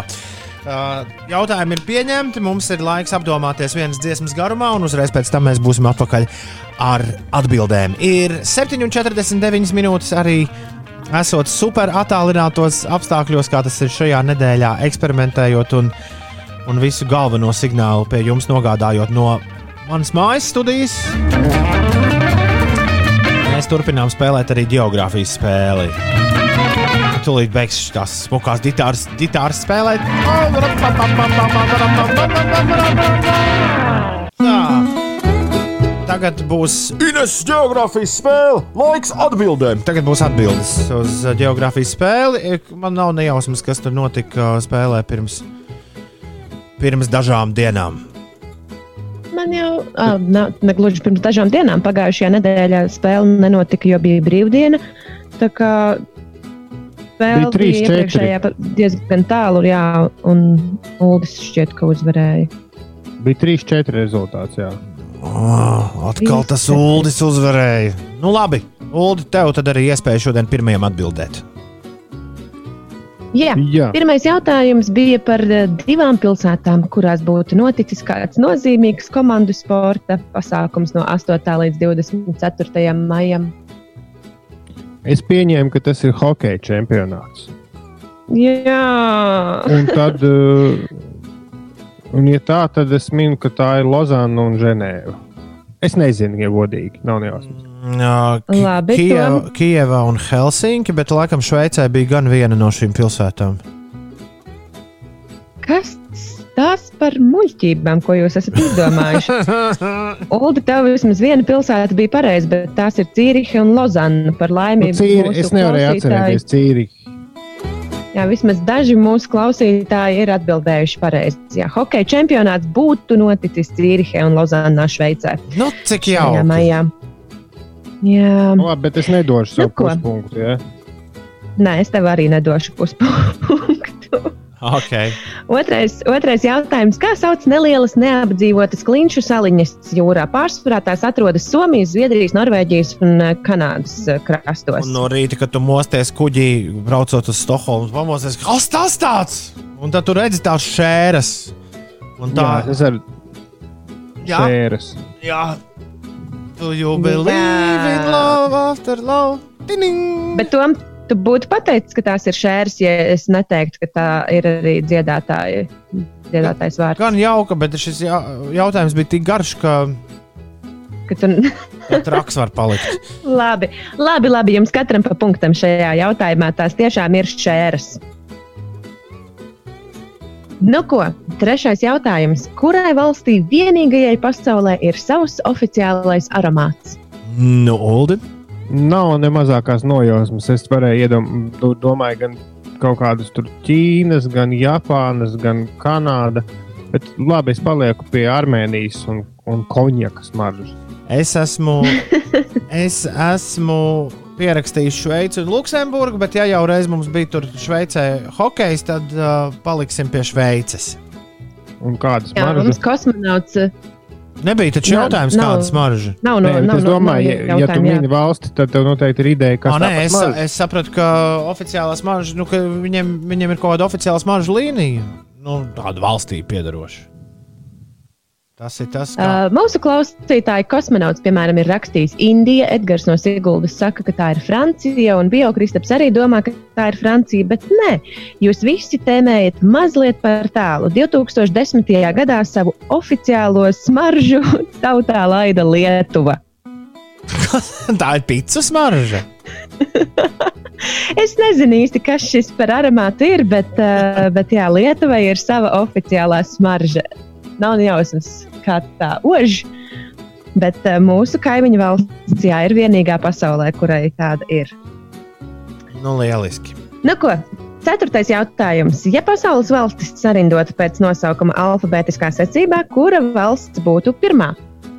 Al, nu, man sanāca Albānija. Es eh, ilgi un dikti te domāju, bet man sanāca, ka Albānija gan jau ir kaut kāda abadam bez samobavāra. Man arī visādas abesīnijas un uh, acis likās, bet es arī, ja godīgi, esmu uzrakstījis Albāniju. Ai, mums anonīmais klausītājs ir atbildējis vienīgais uz šo jautājumu pareizi, un tā ir Afganistāna. Ai, Ai. pareizi! Pareizi! Jā. Edgars no Siguldas un Biokristaps arī domāja, ka tā ir Albānija, bet nē, Afganistāna ir pirmā valsts, ja valstis sarindo pēc nosaukuma alfabētiskā secībā. Wow! Un tas neloģiskais vai loģiskais jautājums, kurā dienā Latvijā svin māmiņu dienu? Maija otrajā svētdienā. Tom? Māja otrajā svētdienā. Labi, labi, jā, tā arī ir maija otrā svētdiena. Tā arī ir atbildējuši visi citi mūsu klausītāji. Katram no jums pa punktam. Nu, brīnišķīgi. Cik sekundes ir palikušas līdz stundas beigām? Man ir neliela panika. Ah! Ah! Aptuveni 40, vismaz mans pulkstenis tā rāda. Jā, tā arī, tā arī izskatās, ka ir. Huh. Ir, uh, ir, ir, ir 7,59 minūtes. Ak, tas šitā viņš tad darās. Labrīt! Jā, šeit vēl uh, laboratorijā pēdējos punktus uz īņa liekot uh, no. No Čekurkalna studijas pie jums dodas raidījums 5 rītī. Kā katru dienu starp 6 un 9 grēviņš, ziediņš un puķekā. Mēs turpinām!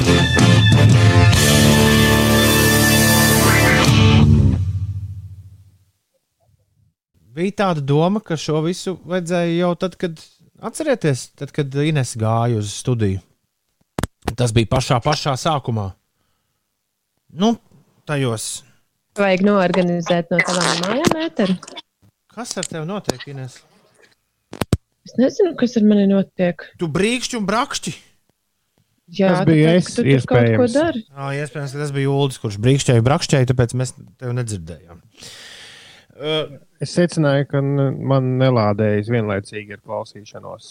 jā, un ja jūs klausījāties, ja jūs klausāties mūsu kopš uh, pandēmijas sākuma, tad jūs labi atceraties, ka bija, bija tā, ka divas nedēļas es sēdēju mājās, jo es biju bijis ārzemēs, un mana sieva bija bijusi ārzemēs.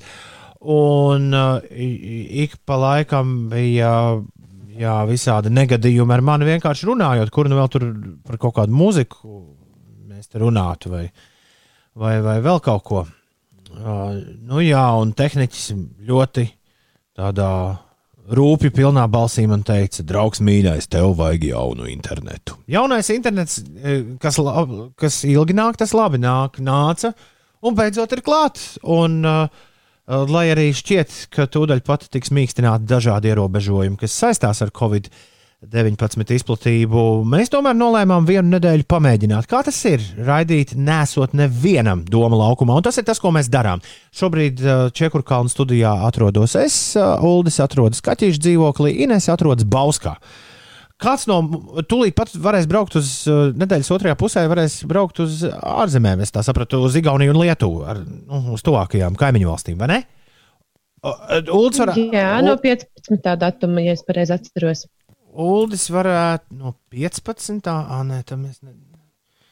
tad, tad mēs nepaspēsim vairāk. Man, ne, man bija doma, ka Uldis varētu, piemēram, uz Pērnu aizbraukt vai, vai uz Tālinu. Tad būtu pavisam jautri. Es no mājām, Ines no Kaķīša dzīvokļa, nē, no Bauskas dzīvokļa. Un, ah, Ines jau var pāršot pāri robežai uz Lietuvu. Tad arī turpat Jā, blakus. aizbraukt uz biržiem. bet tas ir redzams tikai no 15. tā runā. Es ceru, ka jūs sportojat, draugi. Es ceru, ka jūs eh, turpināt vismaz, ja nevarat citas lietas darīt, sevi darīt. Un um, man bija jautrs atgadījums sestdien. Es pa ilgiem laikiem, manā, mans jaunais treneris, manā treniņa plānā pirmo reizi bija iekļāvis šitos te intervālus, vecos labos. O? Man bija intervāli tādi 300, 300 metri jāskrien. Reiz 4. 300 ātri, 300 lēni, 300 ātri, 300 lēni. Un tā četras reizes. Un, mm -hmm. zini, kāda tur nu, pulkstenis un mē, mērītājs un viss. Un man ļoti, nu, viss izreikināts tā, lai, lai viss būtu pilnīgi pareizi. Un, uh, un, un es nevaru īsti, nu, lai, lai es neko nepāršautu garām, man ir diezgan precīzi. Nu, tur no pilna kilometra sākuma es sāku skriet, un tad es zinu, ka tad, kad šī sērija būs nobeigusies, tad būs noskriet kopā, cik tur bija. 600, 200, 2 km un 400 metri. Uh, nu, lūk, un uh, pa vidu es divreiz, re- divas jau esmu noskrējis, tas rīktīgi aizelsies. Pēkšņi apstājas mašīna manā priekšā. Es skrienu apkārt valsts ieņēmuma dienestam. Apstājas mašīna, un no mašīnas izlaiž uh, kaut kur redzēts čalis. Viņš vēl pa- ir patālu, bet es tā lēnām skrienu. O, tas čalis izlaiž, viņš uh, nāk tuvāk, un es saku, ah, tas ir Lauris Zelzītis, aktieris. Vai viņam joprojām ir kabriolets? Uh, nav ne jausmas. Es taču nepazīstu mašīnu. Ma- bez jumta. modeļus. Mašīna arī jumta Nē, vai bez Nē, jumta? mašīna bija ar jumtu. Lauris Zelzīts man iedeva elkoņu sveicienu. Ja? Nu, tādu kārtīgo. Mm. -hmm. Viņš saka, klausies, es visu laiku gribēju pateikt. Es visu laiku gribēju tev pateikt, ka nu, cepuri nost, ka tu šitā skrieni. Kopš es, kopš es uzzināju, ka tu esi maratonu noskrējis, es pat zeķis gandrīz savus apēdu. Lauris Zelzīts atcerējās, ka reiz mēs bijām kopā, mēs sadarbojāmies tādā pasākumā, ko sauc par spēka dienu. Lauris Zelzīts gribēja man, viņš gribēja man likt ā, pievilkties pie stieņa. Tur bija pasākums ļoti interesants. Tur cilvēki visi vil, pievilkās pie stieņa. O, jā. Abi strūns par pasākumu, bet es pie tā stieņa nu, nekādā veidā nevarēju pievilkties. Viņš saka, es atceros, kā tu turējies pie tā stieņa. Tur karājies un tirinājies. Un tad es uzzinu, ka tu esi maratonu noskrējis. Wow! Es neesmu pārliecināts, ka es arī šobrīd, uh, veicot dažādus spēku vingrinājumus, varētu pievilkties pie tā stieņa. Bet es eju uz to. Un, uh, un, un, un vienkārši, nu jā, tas ir arī tas, ko es gribēju jums visiem, visiem atgādināt. Ka strūns, ja vēl kaut kas nesanāk, vienu dienu viss sanāks. Un, uh, Bet uh, vajag arī ņemt Jā. piemēru no Laura Zelzīša. Ja ir labas lietas, ko pateikt cilvēkiem, tad vajag apstādināt mašīnu, izlikt no tās ārā un tiešām arī pateikt. Tas uzlabos dienu gan pašam teicējam, gan tam, kuram to sāk. Man pagāja kāds 20 sekundes, līdz es sapratu, jo es viņam sākumā teicu, Laura, es skrienu intervālus. Nu, nu, laikam, viņš ne, laikam viņš nesaprata, ka- kas tas ir. Bet man nav, man nav, man nav uz laiku, viņi nebija uz laiku par laimi. Nu, nav tā, ka kaut kas pīkst un, un tā. Un tad es, man pagāja kāds 20 sekundes, līdz man pielicis, ka es taču varu neiet uz priekšu. Es varu vienkārši tā kā Edijs Izards vienu, vienu brīdi, kad viņš skrēja, vienkārši mīņāties uz vietas un arī ar viņu izrunāt visu to. Jo man jau skaitījās tikai kilo, nu, metri un kilometri uz priekšu. Tā kā viss beidzās laimīgi, Lauris Zelzīts neizjauca manu, manu intervālu gājumu. Bet ā, šādi mums bija. Iekšņš raksta, ka jā, mēs iepriekšējā stundā spēlējām Ineses geogrāfijas spēli, un Ines prasīja, kurai valstī ir savs smaržs, un mēs visi uzzinājām, ka savas smaržas. Es saprotu, ka tas ir smaržas, tā kā smaržas pudelīte, ja? Oficiālā. Grūti pateikt, varbūt tas ir tas gaiss, ko attaisa vaļā kārbiņu un, uh, un tad iznāk ārā Interesanti. aromāti. Nē, nē, nē tas ir Bet jau smaržas. nē. Tas ir reāls smaržs. Jā. Jā. Uh, Iekšņš raksta, ka tās Lietuvas smaržas varētu būt sasvīdušas, varētu smaržot pēc sasvīduša žēlgīra fana. Ļoti iespējams, iekšķiņ. Tu nekad Nu, ne par ko basketbols nevari ir lietuviešiem tuvs. Jā, bet gan jau, ka varētu šis aromāts būt mazliet patīkamāks. Es domāju. Tu tā domā, jā. jā. Nu, kaut nu tā būtu. Kā tad varētu būt Latvijai aromāts sasvīdis hokeja fans? Kā tik tas basketbols arī pie mums vienā dienā atkal neatgriežas sporta karaļa statusā. Bet kā būs, tā būs. Ir ā, 14 pār 8 par sportu, vēl bišķi pāri runāt. Nu, nedaudz, nedaudz, nedaudz. Ā, Es tiku pie mūsu vecās labās. Vecās labās rīta mūzikas. Mūsu Rīga Latvijā! Labrīt, visapkārt! Atvainojos, tev ir pierādījumi. Man ir. Par ko? Par ko pierādījumu? Atvainojos, tev ir pierādījumi. Man ir. Uh, Vari parādīt? Nē, nerādīt. Tā tad nav pierādījumi. Kam nav pierādījumu? Ja tu desmit minūtes mīņājies, tie vairs nav intervāli, raksta Bio Kristams.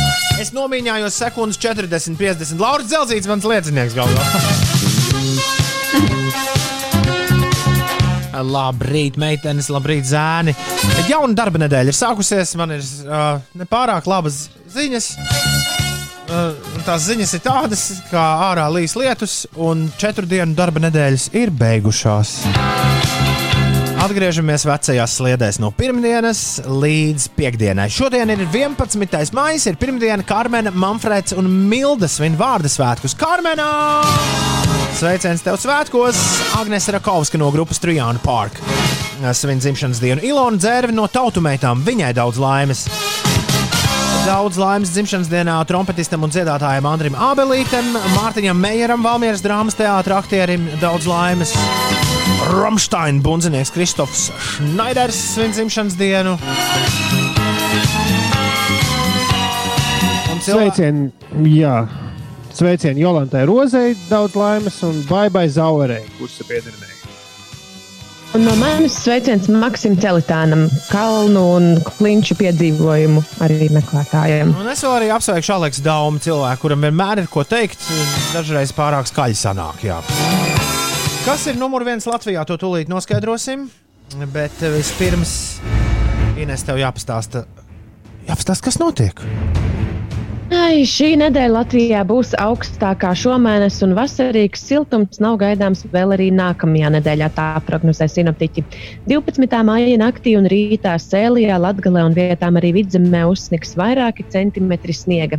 Visās eh, šīs un iespējams arī nākamās nedēļas dienās Latvijā ir gaidāmi nokrišņi, pārsvarā izlaicīgs lietus un krusta vietām arī pērkona negaiss un sniegs.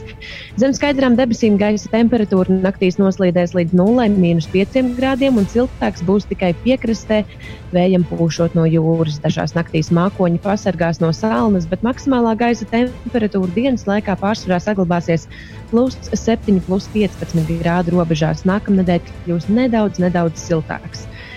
Jā, jau ziņots, ka šonadēļ ir gaidāmi plaši salnu postījumi un pat augstuma rekordi. Tāds lūk, mums iesākas maijs.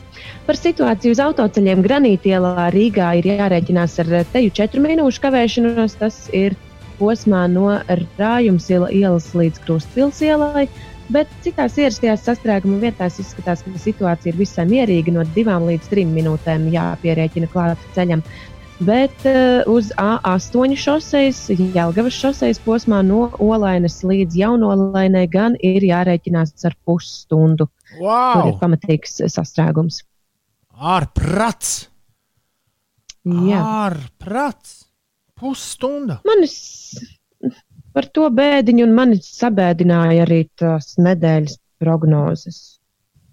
Nu, kāpēc? Mm, tu tā kā par to lielo augstu, bet tur viss var nomainīties. Atcer, man, mans, mm, es nekad neaizmirsīšu to, kā 30. Tā, nu, mēs par to runājam tieši pirms nedēļas. 30. aprīlī 4. maija bija pilnīgi briesmīga diena. Jā, skatījās laika prognozē. Bet 4. maija bija fantastisks. Līdz ar to arī kurš ir teicis, ja šis lielais negaiss un augstums uznāca tā vienā brīdī, un šur tur būs pat sniegs, kurš ir teicis, ka arī otrādi tas tā nevar notikt? Gan jau ka var. Linda, Es tiešām ceru. Linda vēl bija tavā bauskā, kad tur bija saulains. Linda raksta, es no saulainās bauskas esmu iebraukusi lietainajā Jelgavā. Savukārt Rītas prasa, kur jums līst lietus? Jūglās savs kā tūkstnesī. Un, nu, pagaidi vēl bišķiņu. Jā, ja paskatās. Rīgas panorāmu, tad jau nāk, nāk no, no, no, no pārdaugos, no kurzemes puses tumšs un melns. Raivs raksta, labrīt, piecīši vēlos pamodināt savu meiteni Karlīnu. Karlīna cēlies! Karlīna, cik var gulēt? Pirmdiena taču kaut kas jāsāk darīt, vai ne? Šodien reizi pa ilgiem laikiem domāju, ar riteni aizmīties līdz darbam, raksta kosmonauts, lai nav ar sabiedrisko jābrauc. Un tagad sakiet, ka līs lietus, man karmas punkti izbeigušies. Kāpēc? Tu neesi vienīgais. Nu, diemžēl, diemžēl tā ir šodien. Vecumniekos sāka līt, drūvietas ziņo, un nedarbs saka, ka lidostā smidzina.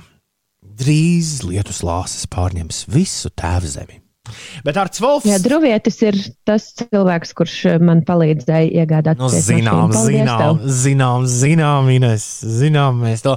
Bet Arts Volfs toties tev palīdz katru nedēļu, saprast, kas īsti ir modē muzikā. Šis... Jā, ko gan mēs bez Zarta Valfa darītu. Vai ne? Šis rīts nav izņēmums. Wolf, laid vaļā! Artis Volfs savu auto mazgā vidēji trīs reizes gadā. Taču valsts svarīgāko hit parādi Latvijas top 40 viņš vada 52 reizes gadā. Latvijas top 40 Svētdienās, 5 pēcpusdienā, 5 LV. Nu, labrīt, labrīt, labrīt, Ines Ulda un Tom, labrīt, pieci rīti. Teātris Volfs un Latvijas top 41. desmitnieks šonadēļ izskatās šādi. Latvijas top 40. Vietu saglabājuši Khalid un Disclosure ar Know Your Words. Plus divas pozīcijas - Aija Andrejeva, Agnēs Rakovska un Kristīna Pāža ar Laimašīnu. Uz augšu par septiņām vietām FSS ar Sunday Best. Lielākais kāpums šajā nedēļā - plus 25 pozīcijas - Robins Šulcs un Alīda ar In Your Eyes. Mīnus viena pozīcija - The Weekend ar dziesmu, kurai tāds pats nosaukums - In Your Eyes. Mīnus viena pozīcija - St. John un Roses. Uz leju par vienu pozīciju - Dualipa ar Physical. Uz augšu par četrām vietām - Dualipa ar Break My Heart. The Weekend un Blinding Lights savu vietu ir saglabājis.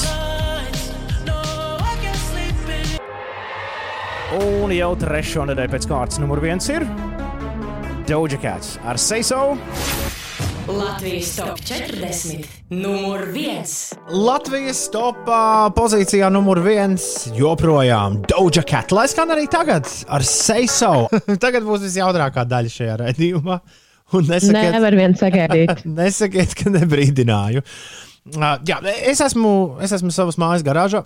Uldis ir uh, savā dzīvoklī, Ines ir Bauskā. Doma laukumā nav neviena dzīva dvēsele. Iespējams, ka tehniķis ir ieradies šajā laikā. Indul, ja tu esi inženieris, Inženieris. jā, galvenais inženieris, Jā, iespējams, ir tehniķis, Ah, inženieris. Inženieris ir ieradies studijā. Ļoti iespējams, Indul, ja tu mūs dzirdi, viss ļoti jauki. Tev noteikti kaut kas ļoti patīk, tev noteikti kaut kas uh, dikti nepatīk. Bet uh, šoreiz ne par to. Uh, Šoreiz, uh, šoreiz citi, citi stāsti. Viena no lietām, ko mēs nespējam izdarīt, uh, nekādā veidā, mēs nespējam pacelt telefonu klausuli un ar jums normāli aprunāties. Tāpēc, sākot no šīs dienas, visu šīs nedēļas garumā, gaisā vai aizā būs jauns, jā, interesantās mūzikas aptaujā, jauns veids, kā jūs iesūtīsiet savu balsojumu. Un balsojumu jūs iesūtīsiet no sava telefona, bet uh, Instagramā. Pieci rīti ir mūsu uh, tas konts, kur mēs, tad, kad cilvēki vēl ceļoja pa pasauli un sūtīja pastkartes, mēs likām regulāri jūsu pastkartes. Pieci rīti, pieci rakstot ar burtiem Instagramā. Tur ir jāaiziet uz uh, saziņām. Ja, ja, jā, ja tu sāc ar cilvēkiem runāties, tad ļoti vienkārši telefonā nospiest uh, ierakstu podziņu un šo to pateikt. Gluži tāpat kā jūs to mēdzat darīt WhatsApp, to var darīt arī Facebook Messengerī, bet uh, gaisā vai aizā mēs esam nolēmuši izmantot Instagram uh, šai lietai. Ulu nodemonstrē, kā izklausās slikti ierunāts balsojums. Pieņemsim, ka sacenšas Billy Eilish pret Doja Cat. Kā izklausītos struntīgi ierunāts balsojums? Uh, uh, Šādi. Tieši šādi. Jā. Kā, Ulas dara. Es balsoju par Billy Eilish. Šis arī ir struntīgi ierunāts balsojums. Pieņemsim, ka uh, mūsu gunčs no Pāvilostas grib ierunāt savu balsojumu. Labi, uh, ierunāts uh, balsojums skanētu šādi. Heimā, piecīši, šeit Gunci no Pavilostas, Zenanā, man vēl nekas nelīst, haha, es mānos. Un šodien būs lieliska diena, un es balsoju pār jūs, neticēsiet, bet pār Doja Cat. Jā, Deres, Skaidrs. šādi, viss bet sapratāt? uh, nevajag, nevajag arī aizrauties ar pārāk garu vēstījumu. Jā, tiesa. Pareizāk sakot, ja tu nu, aizrausies ar garu vēstījumu, tad tavs balsojums nemaz pie mums nenonāks. Nu, tāpēc, ka tu viņu tik ilgi rakstījis, ka mums jau sen būs viss, viss beidzies. Un, protams, ka ir jāsagaida abas dziesmas, lai, lai būtu pilnīgi skaidrs, par ko tu šajā rītā vēlēsies balsot. Oh, Tālāk. Un tagad ir pienācis brīdis, kad es varu spiest gaisā vai aizā palaišanas pogu, un es to arī daru. Aiziet! Gaisā vai aizā? Interesantās mūzikas aptauja. Jā, gaisā vai aizā. No mājām. Bet uh, viss šajā aptaujā paliek nemainīgs. Vismaz vēl šo nedēļu, jo nākamā nedēļa sāksies uh, finiša spurts. Ui, kā es ceru, gaisā vai aizā dēļ, ka es būšu nākamā nedēļa atpakaļ pie savām pogām. Un, ja nenotiks nekas ārkārtējs, vēl kaut kas ārkārtējāks par ārkārtējo, kas jau notiek, tad, um, tad visticamāk tā tas arī būs. Bet uh, šonadēļ mums pēdējās jaunās dziesmas, veselas piecas, mēs dzirdēsim, kas uh, vēl šajā sezonā pagūs ierasties. Jo visu sezonu tu vēlējies atsūtīt mums kādu dziesmu uz gaisā vai aizā, bet ai, kaut kā piemirsās. Tad, nu gan, draugi, mīļie, pēdējais brīdis, uh, pēdējais brīdis šos gabalus padot mūsu virzienā. Rīti at 5.CLV ir mūsu e-pasta adrese. Rīti at 5.CLV. Uh, pieci rakstot ar burtiem. Bet uh, cik reizes jau ir dziesma par friškalētu augšā mēsta gaisā, Ulu? Fiškalētai ir uh, viena, divas, divas uzvaras. Un Šodien uz trešo uzvaru iet Julus Larosa un E. Čumpārī. Klausāmies! Ehi compare, ci può suonare chi si suona la ciambona, ma come si suona la ciambona? A fumma fumma la ciambona, pa pa pa la trombetta, zinga zingu, violina, plinga plingu, mandolin, tu tu tu tu, u saxofone, u friskalete, tipiti tipiti ta. Nu, gan laika pienākuši Ulas man sācis lamāt ir par sliktu itāļu valodas izrunu. Tipiti tipiti, tipiti tipiti ta. Gribu un sauc par eču un pāri. Tu pa paklausies, kā itāļu latviešu runā. Nē, tu, nē, tu vienkārši pagājušo nedēļu teici, ka tu nezini, kā ir pareizi. Bet dziesmā dzied to katrā pantiņā. Ej, pāri. Jā. Ai, kas stājas pretī kumpārī šajā rītā? Nu, tā, tā kā es esmu ticis pie divriteņa braucamā, tad uh, tagad būs tikai pa močiem dziesmas. yes! yes! Un sāksim ar. Uh, Kāds var ar- pagūt UFO mocīti, noremiksēt gaisā vai aizā? Nu, tā Jā. teikt, uh, mērcē. Bet sāksim ar, nu, nereklamējot konkrētu zīmolu, bet šis, diemžēl, ir, nu, nevar izvairīties, jo dziesmas nosaukums ir Kawasaki. tā, ja. Tā, ja. Boro Ma Maistrovičs, tu zini, kas viņš izklausās pēc maestro. Ma maestro Maistorovičs. Viņam Boro ļoti Ma- labi izklausīt, varētu būt ko- koncertūra kopā ar Boro vai MC. Boro Maistrovičs. Nu, Nē. cilvēks, kas, kam patīk Cilvēks orķestris. motocikli. Jā. Kawasaki! Brum, brum, brrr. Kawasaki, Kawasaki. Kawasaki, esci fuori, caccaposa per minuto. Nē, tagad Ines sāksies pats jautrākais mirklis raidījumā. Metam gaisā vai grūžam aizā! Dziesmu ieteikumus sūta rīti at 5.lv. Jo man bija viens balsojums pienācis līdz šim brīdim. Es nospiedu mūtu primary, un viņš izgaisa. Iveta bija atsūtījusi savu balsojumu par šī rīta gaisā vai aizā. Andrei, Vai kur ir? nav tā, ka- Tagad ir. Pēkšņi uzrādījās. Ā, tad viss ir kārtībā. Pēkšņi atkal uzrādījās. Mums ir tikai viens balsojums. Mēs parasti spēlējam līdz trīs balsīm, ja neviens cits.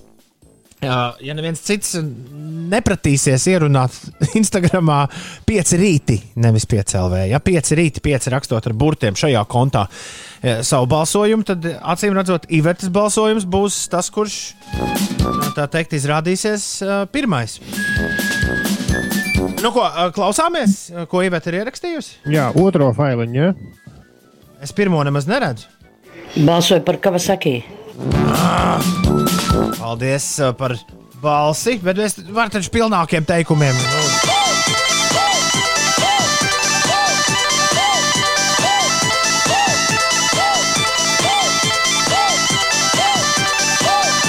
Balsoju par Kavasaki.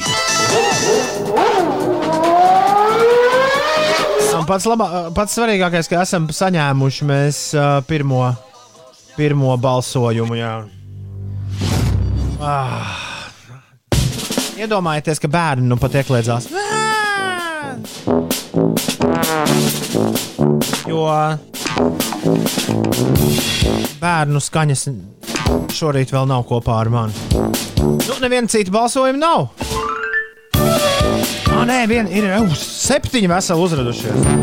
O, tagad ir jāsāk lozēt. Otrais balsojums no Signijas šajā rītā. Aiziet! Hei, labrīt, labrīt. Es uh, domāju, ka balso par to itāļu valodā dziedāto dziesmu, to pašu pirmo. Ga metam gaisā un tā kā vas saki, iet aizā. Ci può suonare chi si suona la trombetta, ma come si suona alla trombetta? Pa pa pa pa pa la trombetta. Jā, Elkumpāri ir ā, šai gadījumā tātad gaisā uzmests un mums ir ā, neizšķirts. Uh, Uldi, tu vari, ah, tu vari izvēlēties, kurš ir nākamais. Es jau visu aizvēru prom, lai tu tur viens rīkotos. Labi, es aiztaisu acis un tad. Uh, bet citus rītus jūs man varat palīdzēt droši. Mēs katrs varētu pa vienam izvēlēties, ko spēlēt. Nu, piemēram. Un tad tas būtu ļoti godīgi. Tā, bet uh, liels paldies visiem, kas šorīt iesūtīja savus balsojumus, gaisā vai aizā. Un pēdējo vārdu šorīt teiks.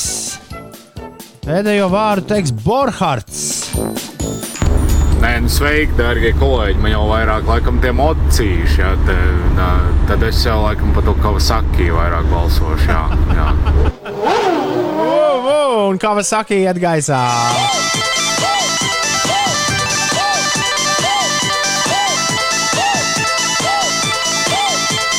Un pēc diviem rītiem gaisā e-kumpāri ir aizā.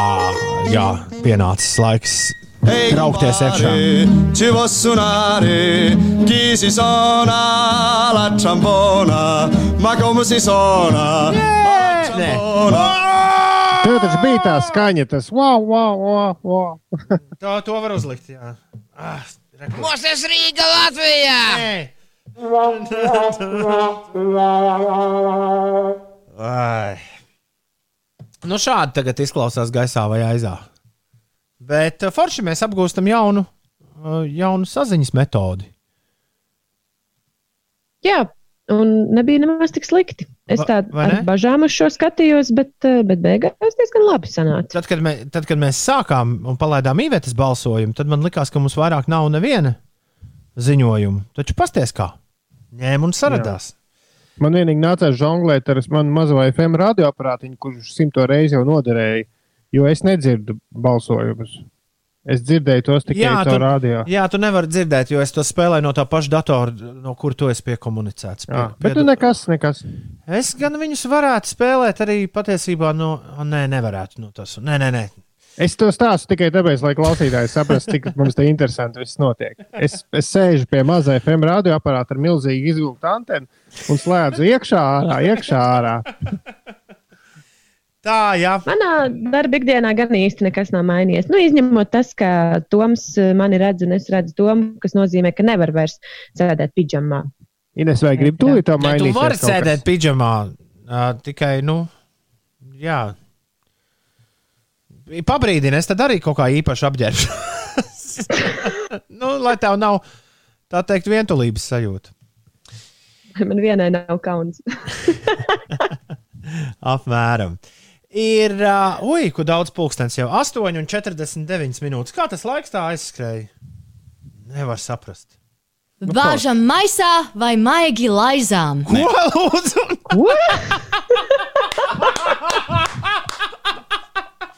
Kas tas ir? Tas ir pārsteigums kaut kāds, vai, vai kā, Karmen? Ko tu tad dari? Viņai vārdiena šodien.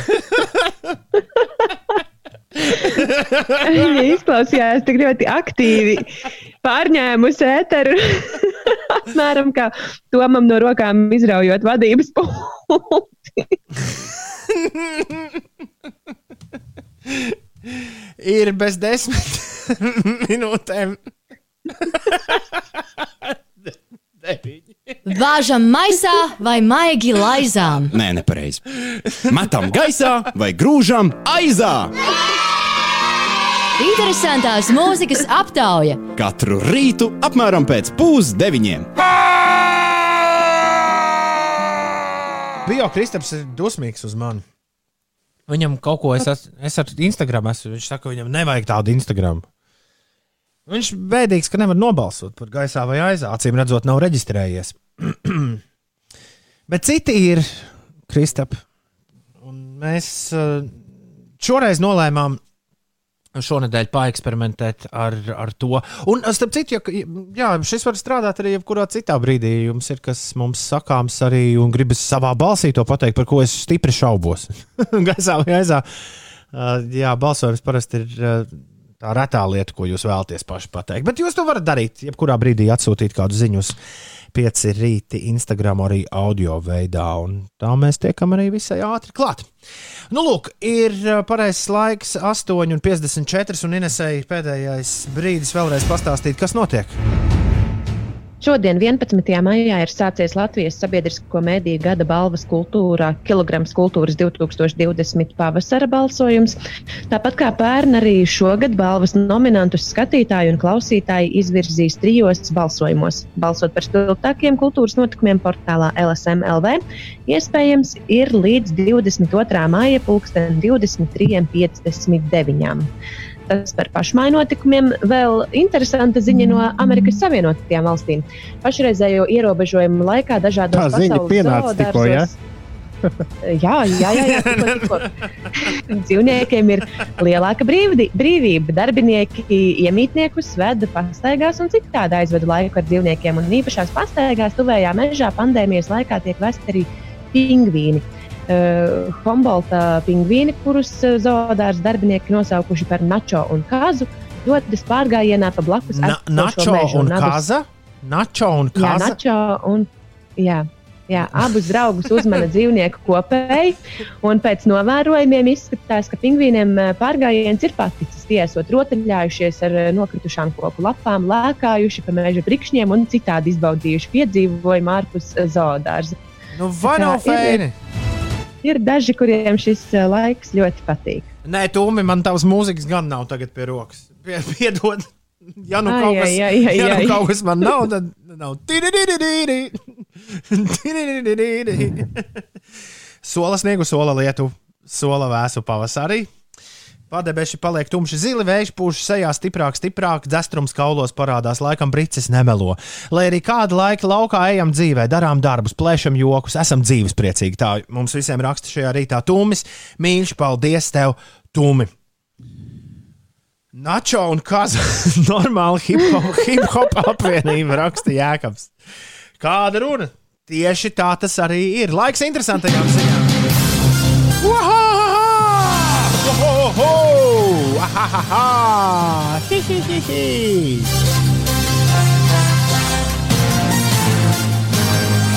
Tiešraidē no Čehurkāna studijas, kurš ap citu arī sāk apmākties. Es lēnām skatos apkārt. Šīs ir leģendārās piecu rītu interesantās ziņas. Labrīt! Cilvēki, kuri visi grib zināt kaut ko interesantu. Tā.